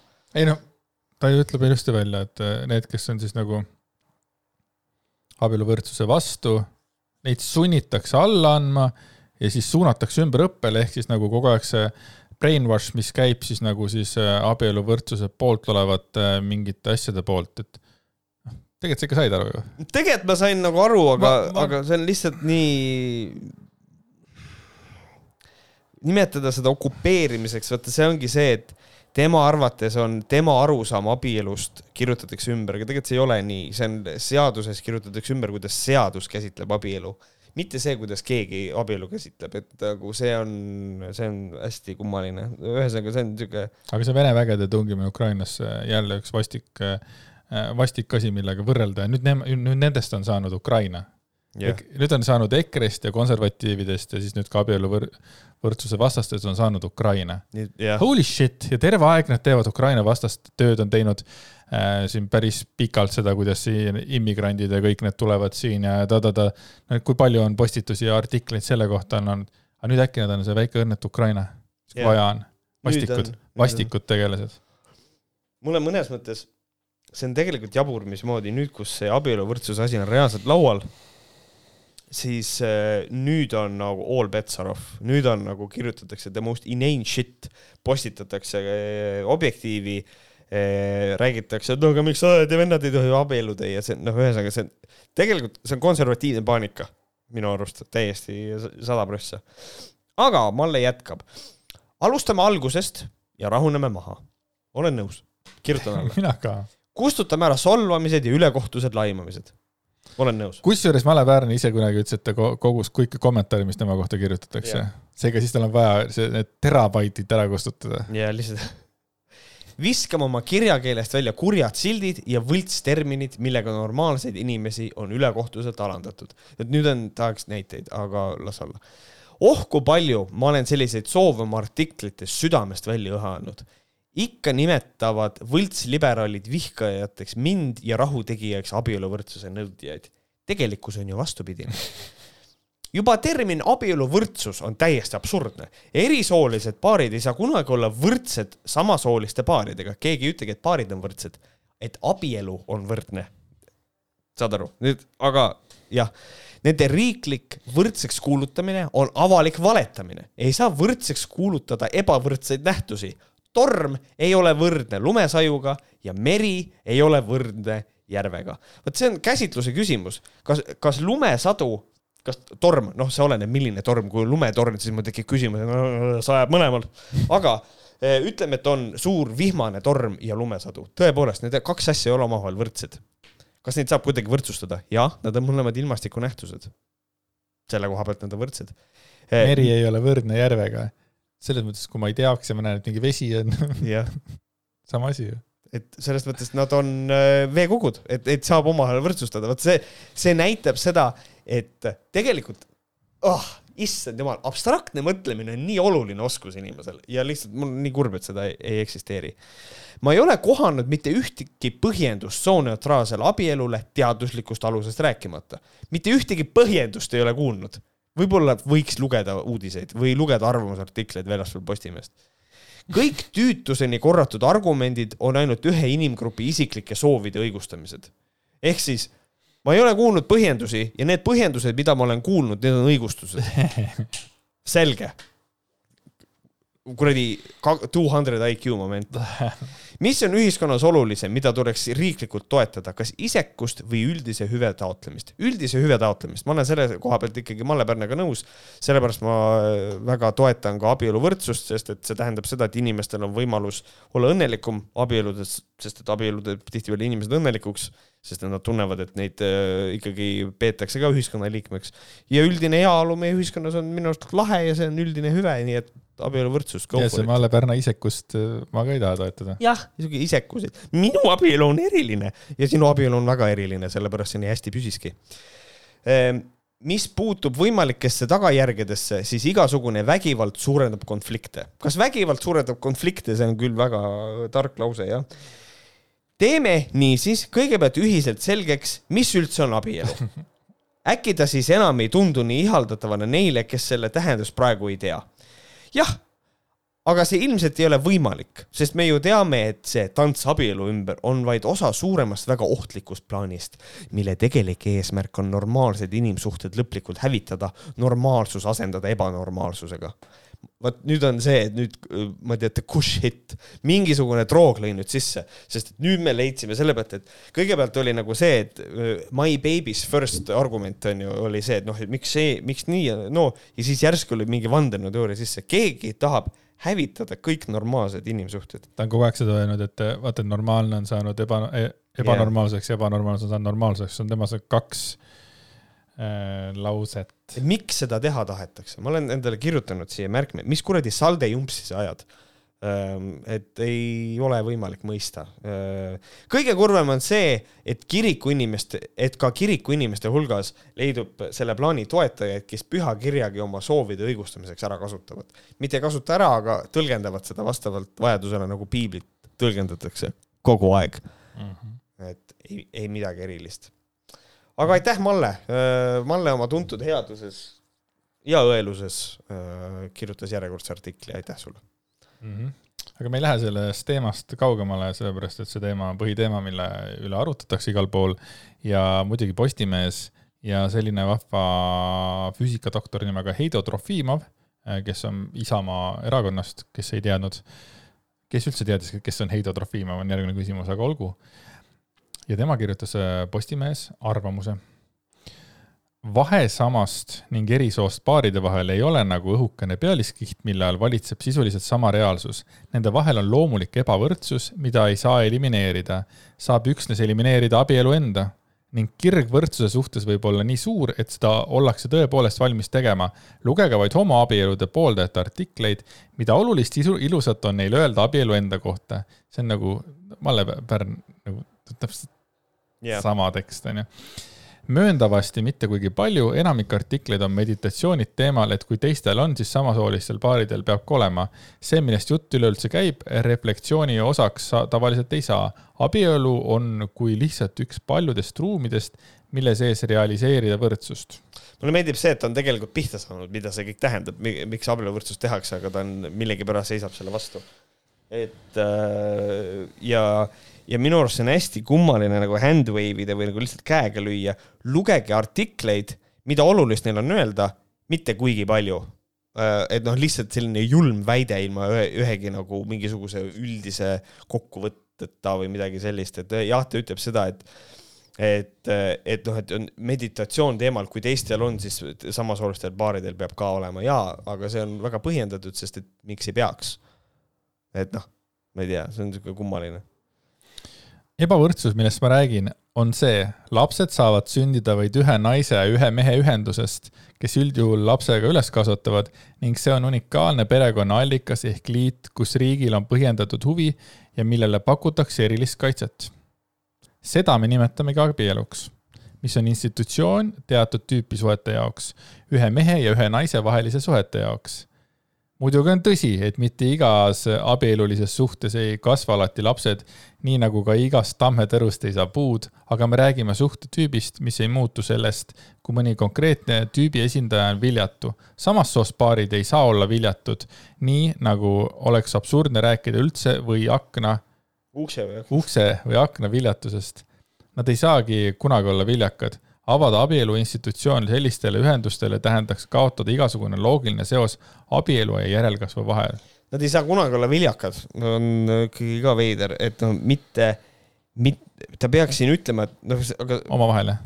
no nad ei saa omavahel lapsi, nagu seda võib öelda, mis on ka ilmselt mingil hetkel teaduse abil lahendatav, aga, aga jah, et viljakad nad saavad olla küll, et noh, see on noh, ikka vaata praegu on see hetk, et sa, kui keegi tahab, et tema artikkel tuleks Postimehes välja, lihtsalt kirjuta abieluvõrdsuse vastu üks asi ja kohe oled sees et siin on ka nagu noh, lihtsalt see, ma ei tea, kas toimetaja ei tahtnud nagu kirjutada, et kuule, et see natukene kummaline asi on, see on mõte, vot ei saa aru. mina tahaks statistikat näha, kui palju lapsi on sündinud abielust ja kui palju sündinud lapsi on siis äh, mitte siis vabaabielust selles mõttes ja kas yeah. siis kuidagi nüüd on abielus last, laps, abielus vanematega lapsed on väärtuslikumad või? sellepärast, et öeldakse ju, et et noh, et kui et, et lapsi ei saa sündida a la kui, abielu on see, kuidas lapsed saavad sündida või nagu Kalle Grünthal või kes ütles seda, et abielu. jaa, Kalle Grünthal ütles ju seda, eks ole. Et lapsed ei saa sündida väljaspool abielu, noh, konkreetselt nagu eh, ta ei ole kuulnud, et see oleks võimalik nagu, nagu reaalselt. et, et see on jah, et huvitav, et kas abielu ja laste saamise vahel on seos, on seos jaa, tihtipeale need lapsed või tähendab, need inimesed, kes on abielus, saavad lapsi, aga need ei, need kaks asja seisavad üksteisest ikkagi eraldi. jah, sest samamoodi saavad lapsi need, kes ei, ei ole abielus. seega miks sellega nagu. kooselu on see. äkki peaks keelama ära nendele lapsi saada, kes ei ole abielus, sest nemad lörtsivad ka abielu, sest abielu põhipoint on ju saada lapsi ju sellepärast, et isa, mis asi, hormoon ja ema hormoon saavad kokku ja ma tahan abielluda, ma armun ainult oma naisesse sellepärast, et temaga lapsi saada. et, et, et selles mõttes, et laste saamine abieluväliselt kui kaks inimest elavad koos nii-öelda vabaabielus, nagu öeldakse. see devalveerib abielu. absoluutselt. sest et äh, abielu, nad ei ole abielus, nad saavad lapsi, see ei ole õige, see on suhtetüüp, ütleb füüsik. nii ongi. Mina oma esimese lapse sain abieluväliselt. noh kohutav. How fucking dare you? ma ei tea. nüüd Aga tuleb näed. sulle, nüüd tuleb sulle mingisugune füüsikadoktor ütlema, et see, et see ei olnud õige asi või? või nagu, kas tagantjärgi, kas vigade parandus, mis te tegite, kas nüüd on okei okay, või? ma ei tea. või tuleb laps ära anda, noh, ma ei tea. ma ei tea, ma igaks juhuks ei räägi sellest, et võetaks laps ära veel, sain selle ikkagi tekib. enne, kui ma abiellusin. teine laps on mul eostatud abielu ajal ka sündinud abielu ajal ma mõtlesin, te, te oleks võinud vihuti lahutada selleks eostatud on, aga sündis väljaspool abielu. napilt, napilt. aga füüsikadoktor jätkab. kas ei ole siis oluline, kui inimesed üksteist armastavad, kuulen kedagi küsimas, muidugi on see oluline, aga kuidas see siia puutub? nüüd armastust enam abielus või nagu ei puutu. ei, aga kohe saad teada, miks. On tõsi, et abiellu astumise esmane motivatsioon on tänapäeval enamasti armastus, aga põhjus abielu sõlmimiseks ei ole põhjus abielu eksisteerimiseks. see on päris hea, et ta ütleb, et motivatsioon on tänapäeval enamasti armastus. Hm. mis vanasti oli? kas sa tead, mis asi see kas see oli siis ühiskondlik surve või? ühiskondlik, no nõukogude ajal oli küll. siis oli see surve äh,. siis oli surve oli peal jah, sest et vaata, see oli niimoodi, et äh, noh, ilmaasjata öeldud kakskümmend kaks on viimane taks naistel. et, et nagu selles mõttes see ühiskondlik surve eksisteeris küll, jah mm. -hmm. et siis, aga milleks, aga, aga miks inimesed abiellusid üldiselt nagu? kas siis nagu sa mõtled nõukogude ajal või? Äh, siis oli surve. ei, aga kas siis ei olnud ka ikkagi nagu armastus, mis inimesed ju kokku viis? ei noh, kindlasti oli selles mõttes, aga oli ka arma-, armastust, oli ka abielusid, mis tehti sellepärast, et äh, aeg oli mm. selline, et noh, et noh, nüüd on, nüüd oleks aeg, nüüd ma pean lapsi saama. olete juba korra, kurameerinud lastetusmaksud et... ja asjad olid ju ka ja kõik see pask, et, et noh, et seal oli noh, siuksed asjad nagu, see surve oli noh, riigipoolne surve oli, et sa peaksid abielluma juba. aga see ei ole ka abielu lörtsitamine või? survestamine, mis abiellu? no minu arust on, aga, aga noh, mul on väärtushinnangud ma ei tea, teistsugused. -hmm.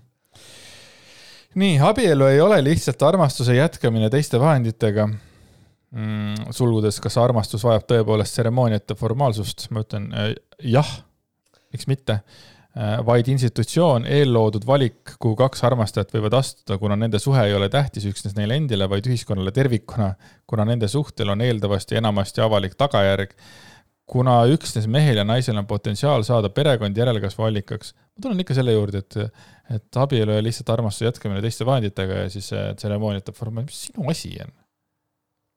sünnipäev, kas sünnipäev, sünnipäev on ka suured peod ja asjad on ka tseremooniad vahepeal, nagu sinu asi on, kes, kuidas teeb oma mingit abielu asja. jah, fair. ja viimane väike lõik ka veel. kaaludes alternatiivi abielu, millel pole muud või vähemalt kõrgemat mõtet kui tähistada kahe inimese omavahelisi tundeid, saab üsna kiiresti selgeks, et tegu oleks mõttetu institutsiooniga, sest miks peaks seadus üldse reguleerima kellegi eraelulisi suhteid seadus ei kaitse minu suhet enda parima sõbraga, aidates meil seotuks jääda ka siis, kui asjad halvaks lähevad. kui ema ja vanaema peavad olude sunnil lapse üles kasvatama, ei nõua nad endale seejuures abiellumisõigust. kui ma leian endale hea korterinaabri, kellega elupinda jagama jääda, ei algata me oma kooselu spetsiaalse tseremooniaga ega nõua, et kogukond valideeriks meie elude ühinemise. see on nii haige inimese jutt, raisk, see on äh, äh, noh mitte keegi, noh, mulle meeldib see, et ega ta vist ei ole vabaabielus ka otseselt vist midagi kuulnud, äh, aga, aga siin on lihtsalt nagu see, et need on ikkagi erinevad asjad, kui otsustatakse saada kas ühised lapsed või jagada oma elu, äh, oma vara, on hoopis midagi muud, kui elada koos korterikaaslasega, et mul on selline tunne, et ei, inetu öelda, aga ma ei tea, kas Heido ise nagu on leidnud enda kõrvale kedagi, sest mulle tundub, et ta ei jaga kooselust nagu elukaaslasega absoluutselt mitte midagi. et, et mulle meeldib see, et ta selle mei-, et mingi kontingent tema arvates devalveerib abielu tähendust, tema ise devalveerib nagu armastavate elukaaslaste suhet. et see on nagu minu arust hästi, on hästi kummaline sellest ei saa mina mitte kuidagi aru. ja teine asi on see, et sa võid alati teha oma korterikaaslasega erinevad notariaalsed lepingud, kui sa tahad, see on ka fine. ja abielu ei ole ilmtingimata tseremoonia, see on ka, sa võid lihtsalt minna registreerima ja ongi kõik, et nagu, aga pole mõtet rääkida asjadest inimesele, kes ei tea. no siin pildi pealt ma ei leia üles ühtegi abielus või armastust. aga noh, see no, ei ole tegelikult oluline. võib-olla, võib-olla varjab aga tema sõber on Varro, Varro Vooglaid ja Markus Järvi. noh, mil-, milline üllatus, poleks, poleks arvanudki kuigi noh, minu arvates Facebook on ära devalveerinud igasugused sõprussuhted jah, sellest võiks Postimehes hakata kirjutama. sellest võiks kirjutada tegelikult, et ikkagi sõprussuhted on rikutud ikka Facebooki poolt. mida teeb Postimees siis, kui äh, see abieluvõrdsus tuleb, huvitav, mis see järgmine teema on, ma tahaks seda teada, mis siis on. Äh, siis toimub hull paanika, Lauri Vahter kirjutab sellest, kuidas nüüd kõik on putsis ilmselt ja siis on vaja mingi uus asi leida. see näed, et, et tõmmatakse nagu, järgmine uus asi tõmmatakse välja. kuidagi tuleb, et, et et peab nagu, peab nagu silma peal hoidma mm. -hmm. aga äh, konservatiivsed mõtted ei lõppe siinkohal, konservatiivsed mõtted käivad ka äh, siis äh, Tiktokis. Ella Freiman, Freiman, something like this on siis üks äh, Eh, Tiktokker, üheksateist tuhat jälgijat ja tema ütleb niimoodi. mul oli õnn kasvada koos mõlema eh, vanemaga, nii et mul on selge näide, kuidas soorollid loovad aluse tervele ja pikaajalisele suhtele, ütleb suunamudija Ella Freiman, kellel on Tiktokis üle üheksateistkümne tuhande jälgija. minul. seda tuleb mitu korda tuleb mainida, tal on Tiktokis üle üheksateist tuhande jälgija, mis tegelikult, nagu ma arvan, Tiktoki kohta ei ole väga suur eh, näitaja. aga mingil põhjusel on teinud äh, naistekas Delfist artikli ja. äh, temast ja me jagame seda ja jagame seda teiega sellepärast, et see on huvitav, et noh, et äh, kasvas koos mõlema vanemaga, et on näide, kuidas soorollid loovad aluse tervele pikaajalisele suhtele. see loogika selles ühes lauses on juba loll. et kuidas sa siis seletad paare, kes lähevad lahku, kui neil on lapsed? sest et neil on ka mõlemad vanemad kuidas siis ja nad, ja kui neil on soorollid, et kõik need asjad on tagatud, aga see ei garanteeri kooselu ja see ei garanteeri pikka suhet, ühesõnaga jääb arusaamatuks, aga Ella tõdeb, et teda. no okei okay., terve pikaajaline ka, et äh, kus sa, kui teab, kui terve see suhe oli? jah, võib-olla, võib-olla, kurat, ma ei tea, lapsed võib-olla hammustaks läbi. arvad jah? okei okay,, seega, siis mul on väga hea meel Ella üle, et ta on kasvanud äh, sellises äh, perekonnamudelis, kus kõik olid õnnelikud. ja soorollides ka veel priviligeeritud ikkagi. Ella tõdeb, et teda peetakse oma rangete kohtingu reeglite tõttu sageli kullakaevajaks, kuid see ei morjenda teda üldse, sest tema jaoks tähendavad need vaid üht, kõrgeid standardeid. näiteks on Ella veendunud, et mees peaks suhtes arved maksma ja iga kõrge väärtusega naine ei peaks vähemaga leppima. huvitav, äh, kas me oleme veel sellist juttu kuulnud ehm,? Sibulaisu tuli. tuli? tuli Sibulaisu, jah nagu Karilaidil oli kunagi. mina olen Sibul päris ei palju, fitnessi ajal ma päris palju tegelikult tarbisin valku. et, et kui võisin rääkida. et jah, et siin meie jah, Anita Sibul on rääkinud ju sarnast juttu täitsa, et, et, et, et jah, nii ta peaks olema.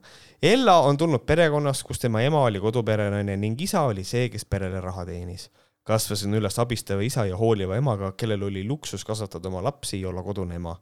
Täna peab ka Ella ainuõigeks seda, et kogu rahaline vastutus suhtes oleks mehe kanda. seega ei pakuks ta kunagi restoranis, et võib pool arvest ise tasuda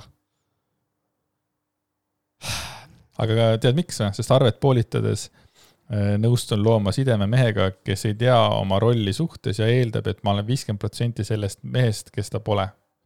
selline, selline loogika. nõustun looma sideme mehega, kes ei tea oma rolli suhtes ja eeldab, et ma olen viiskümmend protsenti sellest mehest, kes ta pole. Andres, kuule, ma ei saa nendest inimestest aru. Nad, nad on, vot, vot kui keegi ütleb mulle pseudointellektuaal, siis see on sihuke pask nagu. aga pani mõtlema. see pani mõtlema, sellepärast ma lihtsalt ei saa aru, et, et ei, et sina oled see, kes maksab ja sa üritad praegu öelda, et, et mina olen viiskümmend protsenti sellest, kes sina ei ole noh, ta tegelikult räägib ikkagi mees ja naisenergiatest, sellepärast et äh, kui tema maksab viiskümmend protsenti sellest, siis tema on nüüd meesenergiast ja tal ei, tal ei sobi olla meesenergias. see on ikka täiesti ja lolli äkki, ja nüüd on kahekümne nelja aastane, ei, ütleme siis mees on nüüd äkki naisenergias ja siis meil on probleem. sest sellist asja ei saa olla, sest soorollid on nii tugevasti paigas, et mees maksab alati kõige eest, sest tema isa maksis kõige eest. mm. -hmm. ema oli õnnelik koduperenaine, kes sai kasvatada oma lapsi. Olen õppinud, et mehed, kes tahavad arveid jagada, ei hinda seda aega ja vaeva, mille naine endasse paneb, et selle mehe jaoks parim välja näha, räägib Ella ja lisab. kui naine ei nõustu arvet jagama, säilitab ta oma väärikuse ja väldib edasisi halbu kogemusi. jah, sa, sa ilmselt saad seal kohapeal ühe halva kogemuse. mulle meeldib see, et naise väärikus äh, on äh, võrd, võrdne sellega, kes maksab arve. jah, see on nagu see on nagu, see on nagu päris lahe nagu. Samuti soovib Ella kõikidel naistel kullakaevajatelt midagi õppida, oma soove valjusti välja ütlema. meestel pole probleemi paluda naistelt intiimsust ja alistumist. miks peaksime siis kõhklema oma vajaduste rahuldamisel, küsib ta. nii soovitab Ella naistele oma Tiktoki kontol kohe, kui mees soovib intiimsust, hakata rääkima rahast, sest nii tunnevad mõlemad end sama ebamugavalt. see on nagu kui tähendab, ei noh, kõik on okei okay,, kõik on valikute küsimus ja tal on õigus elada oma elu nii, nagu ta tahab, aga kui mees viitab intiimsusele ja naine hakkab kohe rahast rääkima, siis nagu ma ei tea, see tunduks mulle küll veider kas. alistumine jälle ka võrdub kohe seks või? sest meestel pole probleemi paluda naiselt intiimsust ja alistumist. kas mehed päriselt paluvad naiselt alistumist või? ma tahan, et sa alistuksid. kas mitte tavaliselt äh, pigem mehed ei alista naisi või? Kas mehed paluvad alistada või? kas siis see on alistamine, kui sa palud ma ei tea, alistamist selles ma mõttes ei tea nagu?, ma ei tea, see on nii pseudo. ma palun, ma palun sult intiimsust, palun, palun mulle Palun. intiimsust. palun anna, palun. ja kindlasti, ei vaata ikka on keegi. ei no jaa, aga see on ju täielik naiselik energia ju, sellepärast et mehes, me ju teame seda, mees võtab, on nii, seda on see- öelnud Laura Gild äh, pseudointellektuaalidest rääkides, ja, ja et miski või tähendab, vabandust, ma olen juba täis, siiski ei väärtusta naine vaid mehe raha, vaid tema pingut, vaid ka tema pingutusi. näiteks on Ella jaoks välistatud kohvikusse kutsumised mm. -hmm. kohviku kohtingud on naiste suhtes lugupidamatu aja raiskamine, sõnab ta ja lisab, et taoline kutse ütleb palju mehe kavatsuste kohta selle naisega. mees, kes teeb ettepaneku kohvile minemiseks, ei pea sind oma aja ja vaeva vääriliseks ning tõenäoliselt hajutab ka oma raha, et saaks võimalikult paljude naistega võimalikult väheste pingutustega kohtumas käia. See on lihtsalt, issand jumal, ma tahan võib-olla kohvi ju minna jooma kellegagi sellepärast, et ma ei taha, et me sööks. ma tahan, et meil oleks kerge kohv ja vestlus mm. -hmm. ma, ma tahaks vestelda. aga mina hakkan mõtlema, et kumb oli ennem, kas Ella või Laura Valk, sellepärast et üks neist on importinud siis selle teema sisse, sest ta räägib täpselt sama juttu. kui üks Äh, lahkub, tuleb teine asemele. On. Et kõik, kõik tuleb välismaalt sisse, et ma nagu hakkan kahtlema Laura Valgu üldse selles ideedes, kas need ideed on tema või on ta kõik, kõik kuskilt kokku krabanud, nagu Ei, Jesper Parve oma raamatus Mees näiteks Need on kõik, tulevad väljast no,, otse loomulikult, kõik tulevad kuskilt väljast mm.? Janno Kurs ka ju impordib äh, välismaa sitta ja siis tuleb välja, et ta on mingi hästi tark mees, ise mõtles kõik välja. kuigi ma ei ütle, et Jesper Parve on kõik oma mõtted saanud kuskilt mujalt. igaks juhuks, et kohtu case, aa jaa, ta on hästi touchy-feely mees selle koha pealt. et äh, chill, yes, jah, yes. ma usun, et ta tegelikult ikkagi mõtles need kõik välja, lihtsalt äh, lihtsalt ma- on oota, proovime- kokkulangevusi ja ma proovin nagu kuidagi nagu siluda, et on kokkulangevusi ja mõnikord vaata, me võ- võtame mõned ideed teadmata, et need ei ole meie omad. sest mingisugused lood saavad meie omadeks, kui seda lugu kas on rääkides või, nimi, või, või kuulates või mida iganes, onju. jah, sellel on mingisugune nimetus ka, et sa võib-olla et isegi oled kuulnud ja siis hiljem tuled ise idee peale, mis ei ole tegelikult sinu enda oma, sellel on mingisugune nimetus, aga see, kellelgi võib ja mina tunnistan ausalt äh, kirjutada. avalikult, et mul on seda juhtunud äh, päris mitu korda sellega, kuna ma sinuga arutanud mingeid asju. jah, mingisugune asi, mingi arutelu käib, see, sa oled mingisuguse idee välja käinud või mingi mõtte välja ma olen käinud. sind ära tinistanud. ma olen selle mõtte kuidagi enda omaks võtnud, teadmata, et see on sinu mõte ja olen seda väljendanud äh, kuskil, teadmata, et ma ei ole öelnud, et see on nüüd Märdi mõte või mida iganes, vaid ma olen selle kuidagi teinud enda omaks teadmata. et see ei ole nagu pahatahtlik, et ma nüüd tahaks sind jätta nüüd., see on, see on üks asi, mis näiteks stand-up'is juhtuda, on see, et sa tuled mm. -hmm. nalja peale jah, ja siis keegi ütleb, see on varastatud nali. ja siis sa saad aru, et jesus christ, et tegelikult ma olen seda nalja kuulnud. Ma olen ära unustanud selle ja siis selle ise uuesti välja mõelnud, et noh, tegelikult seal on jah, see päriselt leiab niisugune asi aset küll. kuigi jälle arusaamad on sotsiaalmeedias saanud palju kriitikat, on ta endale kindlaks jäänud. enamik inimesi arvab, et oleme isekad, kuid see ei ole tõde.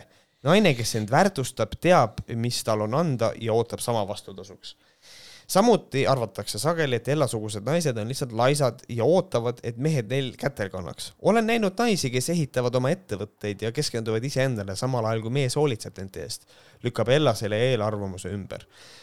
see on ka hea, kurat, et äh, ma noh, ma võin ka öelda, et, et ma olen, mina olen näinud inimesi, kes äh, lendavad ma olen ka näinud inimesi, kes jalutavad tee peal ja väga tore, too mulle igasuguseid erinevaid näiteid ja siis kasuta ühte näidet. noh, ja lükka ümber sellega mingi väide, see on tore. paljud uuringud on näidanud, et mehed ei saa ilma naiseta elada. me parandame mehe elu igas aspektis ja kuna teame, mida pakume, ootame me seda, et mees pakuks oma osa. tegelikult on niimoodi, et äh, siin ei ole juttu mitte lihtsalt, et noh, mehed ei saa ilma naisteta elada, ilma sinusuguste naisteta saame väga hästi hakkama äh,. tegelikult aga noh, eks see olegi see, kui sa oled kasvanud õnnelikus, nagu sina oled ka kasvanud õnnelikus äh, jah pere, peres, aga ma, kuidas sinu soorollidega olid? no ma, ma ikkagi tulen võrdlemisi traditsioonilisest perest. et sinul on ka soorollid, aga sinu mõttemaailm on kuidagi teistsugune. et ei ole ikkagi ainult Jah. see äh, ma ei kukkunud ka maha, kui ma beebi olin. ei, jaa, aga ma ei ütle, et tema on kukkunud selles mõttes, chillax. lihtsalt, et vaata, ta nagu hästi tugevalt andis mõista, et nagu see, kuidas tema sündis või see, kuidas tema elas väiksena, see on kinnistanud tema maailmavaadet, mis Mhm. on tegelikult jumala putsis maailmavaade. et sinul see, sinul sellist asja ei olnud, et küll on tore. jah, vot, aga eh, kallis kuulaja, meil on sulle nüüd eh, uudis. see uudis on siuke eriline uudis. sa võib-olla ei ole kuulnud, aga võib-olla oled, võib-olla oled eh, kursis, et meil on Patreon ka tegelikult. Mis on Pat- Patreon? Patreon? kusjuures ma, kusjuures ma ei tea Eh, Patreon.com kaldkriips Vohkarid on eh, siis, seal te saate viie euro eest eh, kuus kuulata lisasaateid, mida me salvestame, me tavasaateid salvestame üle nädala ja siis nendel vahenädalatel me tegelikult teeme ka saate, aga see on maksumüüridega. et kui te tunnete, et see, mida te kuulete, on selline, et vot sihukest propagandat ma kuulaks, siis tegelikult teil on võimalus rahast isegi rohkem kuulata. et meid ei maksa kinni ei Soros, vaid meie kuulajad põhimõtteliselt. nii on, aga hüpake läbi ja kui teil on mingisugune etteheide, väljaheide, küsimus, siis äh, saatke meile meilile see. see on võhkarid, et gmail.com, õ-tähe asemel on number kuus. Teile on see niimoodi. jah, oleme ka igal pool sotsiaalmeedias, meid on lihtne üles leida, meie oleme omade imedega. Twitteris mina olen, et Mart Koik. mina olen ka, et Marko. jään Andres Jaager, ma eeldan. aga noh. Ilmselt küll, jah. see on, ei ole nagu Mattias Naan, vaata, kus ühes kohas on Mattias Naan, teise koha peal on Kapatu ja siis kolmas oli veel, kuskil oli ta veel kuskil mingi muu nimega, nii et noh. jah, et, et ühesõnaga me oleme, me oleme leitavad sotsiaalmeedias ka, võite meiega ühendust võtta. aga egas midagi, kui tunnete, et ei, see, ei, mulle piisab sellest, mida te teete, no siis eks me näeme ilmselt ülejärgmine nädal, enne mitte. aga kas sul on mingi mõte ka, mingisugune sügav, millega sa tahad lõpetada? Ma tänaseks. ma vaatasin, et sa panid läpaka mõtlesin. ma tänaseks kõik mõtted äh, ütlesin välja ära. aga siis ilma pikema mul ei ole rohkem mõtteid, nagu tühjus. tühi-, täielikult. kas oskad enda äh, aju välja lülitada? Ja peas on tühjus. oskan, selle jaoks oleks püssi vaja, ma arvan, niimoodi oskaks, aga, aga ei, ega, ega ei oska, kui ma ma magama jään, ma jään magades ilmselt, aga muidu, muidu mitte. väikene, tegelikult saate lõppu väikene asi ka, mis uudis oli tänase päeva jooksul, ma nägin. Henn Põlluaas ütles, et obstruktsiooniga võib-olla jätkatakse aasta lõpuni. täitsa putsis. mis see oli see summa? Mis see tund aega äh, Riigikogu tööd, kakskümmend üks tuhat või eurot või? midagi, ühesõnaga jah, seal oli see, Martin Helme kunagi arvutas välja, kuidas obstruktsioon raiskab rahva raha ja nüüd nad ise teevad obstruktsiooni, nii et väga, väga veider. et siis, kui see kogu see obstruktsioonipull läbi saab, siis ma küll võtan selle kalkulaatori ja arvutan ära need tunnid, ma otsin selle ülesse ja Mhm. siis ma ütlen täpselt, kui palju on äh, siis äh, Keskerakond, Isamaa ja EKRE raisanud siis meie raha, jah, et äh, jaa, seda tegi Reformierakond ka, nemad olid ka sellel hetkel mitte kõige õigema kandi peal, aga olgu. vot, aga selline tuli meie saade. aga oota, aga mis siis saaks, kui nad teevadki oma värgid, särgid, tulebki, tulevad obstruktsioonid, tulevad äh, uued valimised, värgid, särgid, okei okay,, tehakse siis äh, Keskerakond, Isamaa ja, ja EKRE istuvad seal, hakkavad vastu võtma ja Reformierakond hakkab obstruktsioone tegema. teeb seda ja sama, teeb täpselt sama ja samamoodi selle siis tuumanuppu lõpuni selles mõttes, sest et et noh, kaua, tuumanupp on vajutatud, et noh, nii kaua, et ei olegi võimalik tööd teha, et, siis meil on, siis meil on kriis. et mis, ei no meil on praegu juba kriis. meil on praegu kriisi nagu seal, seal on, seal on nagu selline asi, et obstruktsiooniks, obstruktsioonist saaks välja tulla niimoodi, et rikutaks seadust äh,. ilmselt äh, seda võib-olla kasutatakse, aga see on ka järjekordne tuumanupp. aga ühesõnaga, et äh, ei tea, sest et noh, sellepärast seda tuumanupuks nimetataksegi, et nüüd on nagu justkui moraalne õigus Reformierakonnal sedasama teha, kui neil peaks olema vaja. et see ongi nagu see probleemi koht tegelikult nagu lasteaed, ma ütlen. nagu lasteaed jah, et ma ei ole näinud nii sittasid kaotajaid enne, aga EKRE on ikka täiesti sitad kaotajad, sitad, sitad kaotajad. aga nüüd te kaotate meid oma mis iganes seadmes, kus te meid vaatate või kuulate, sest et see saade saab nüüd läbi. aitäh, et olite meiega, tšau. tšau.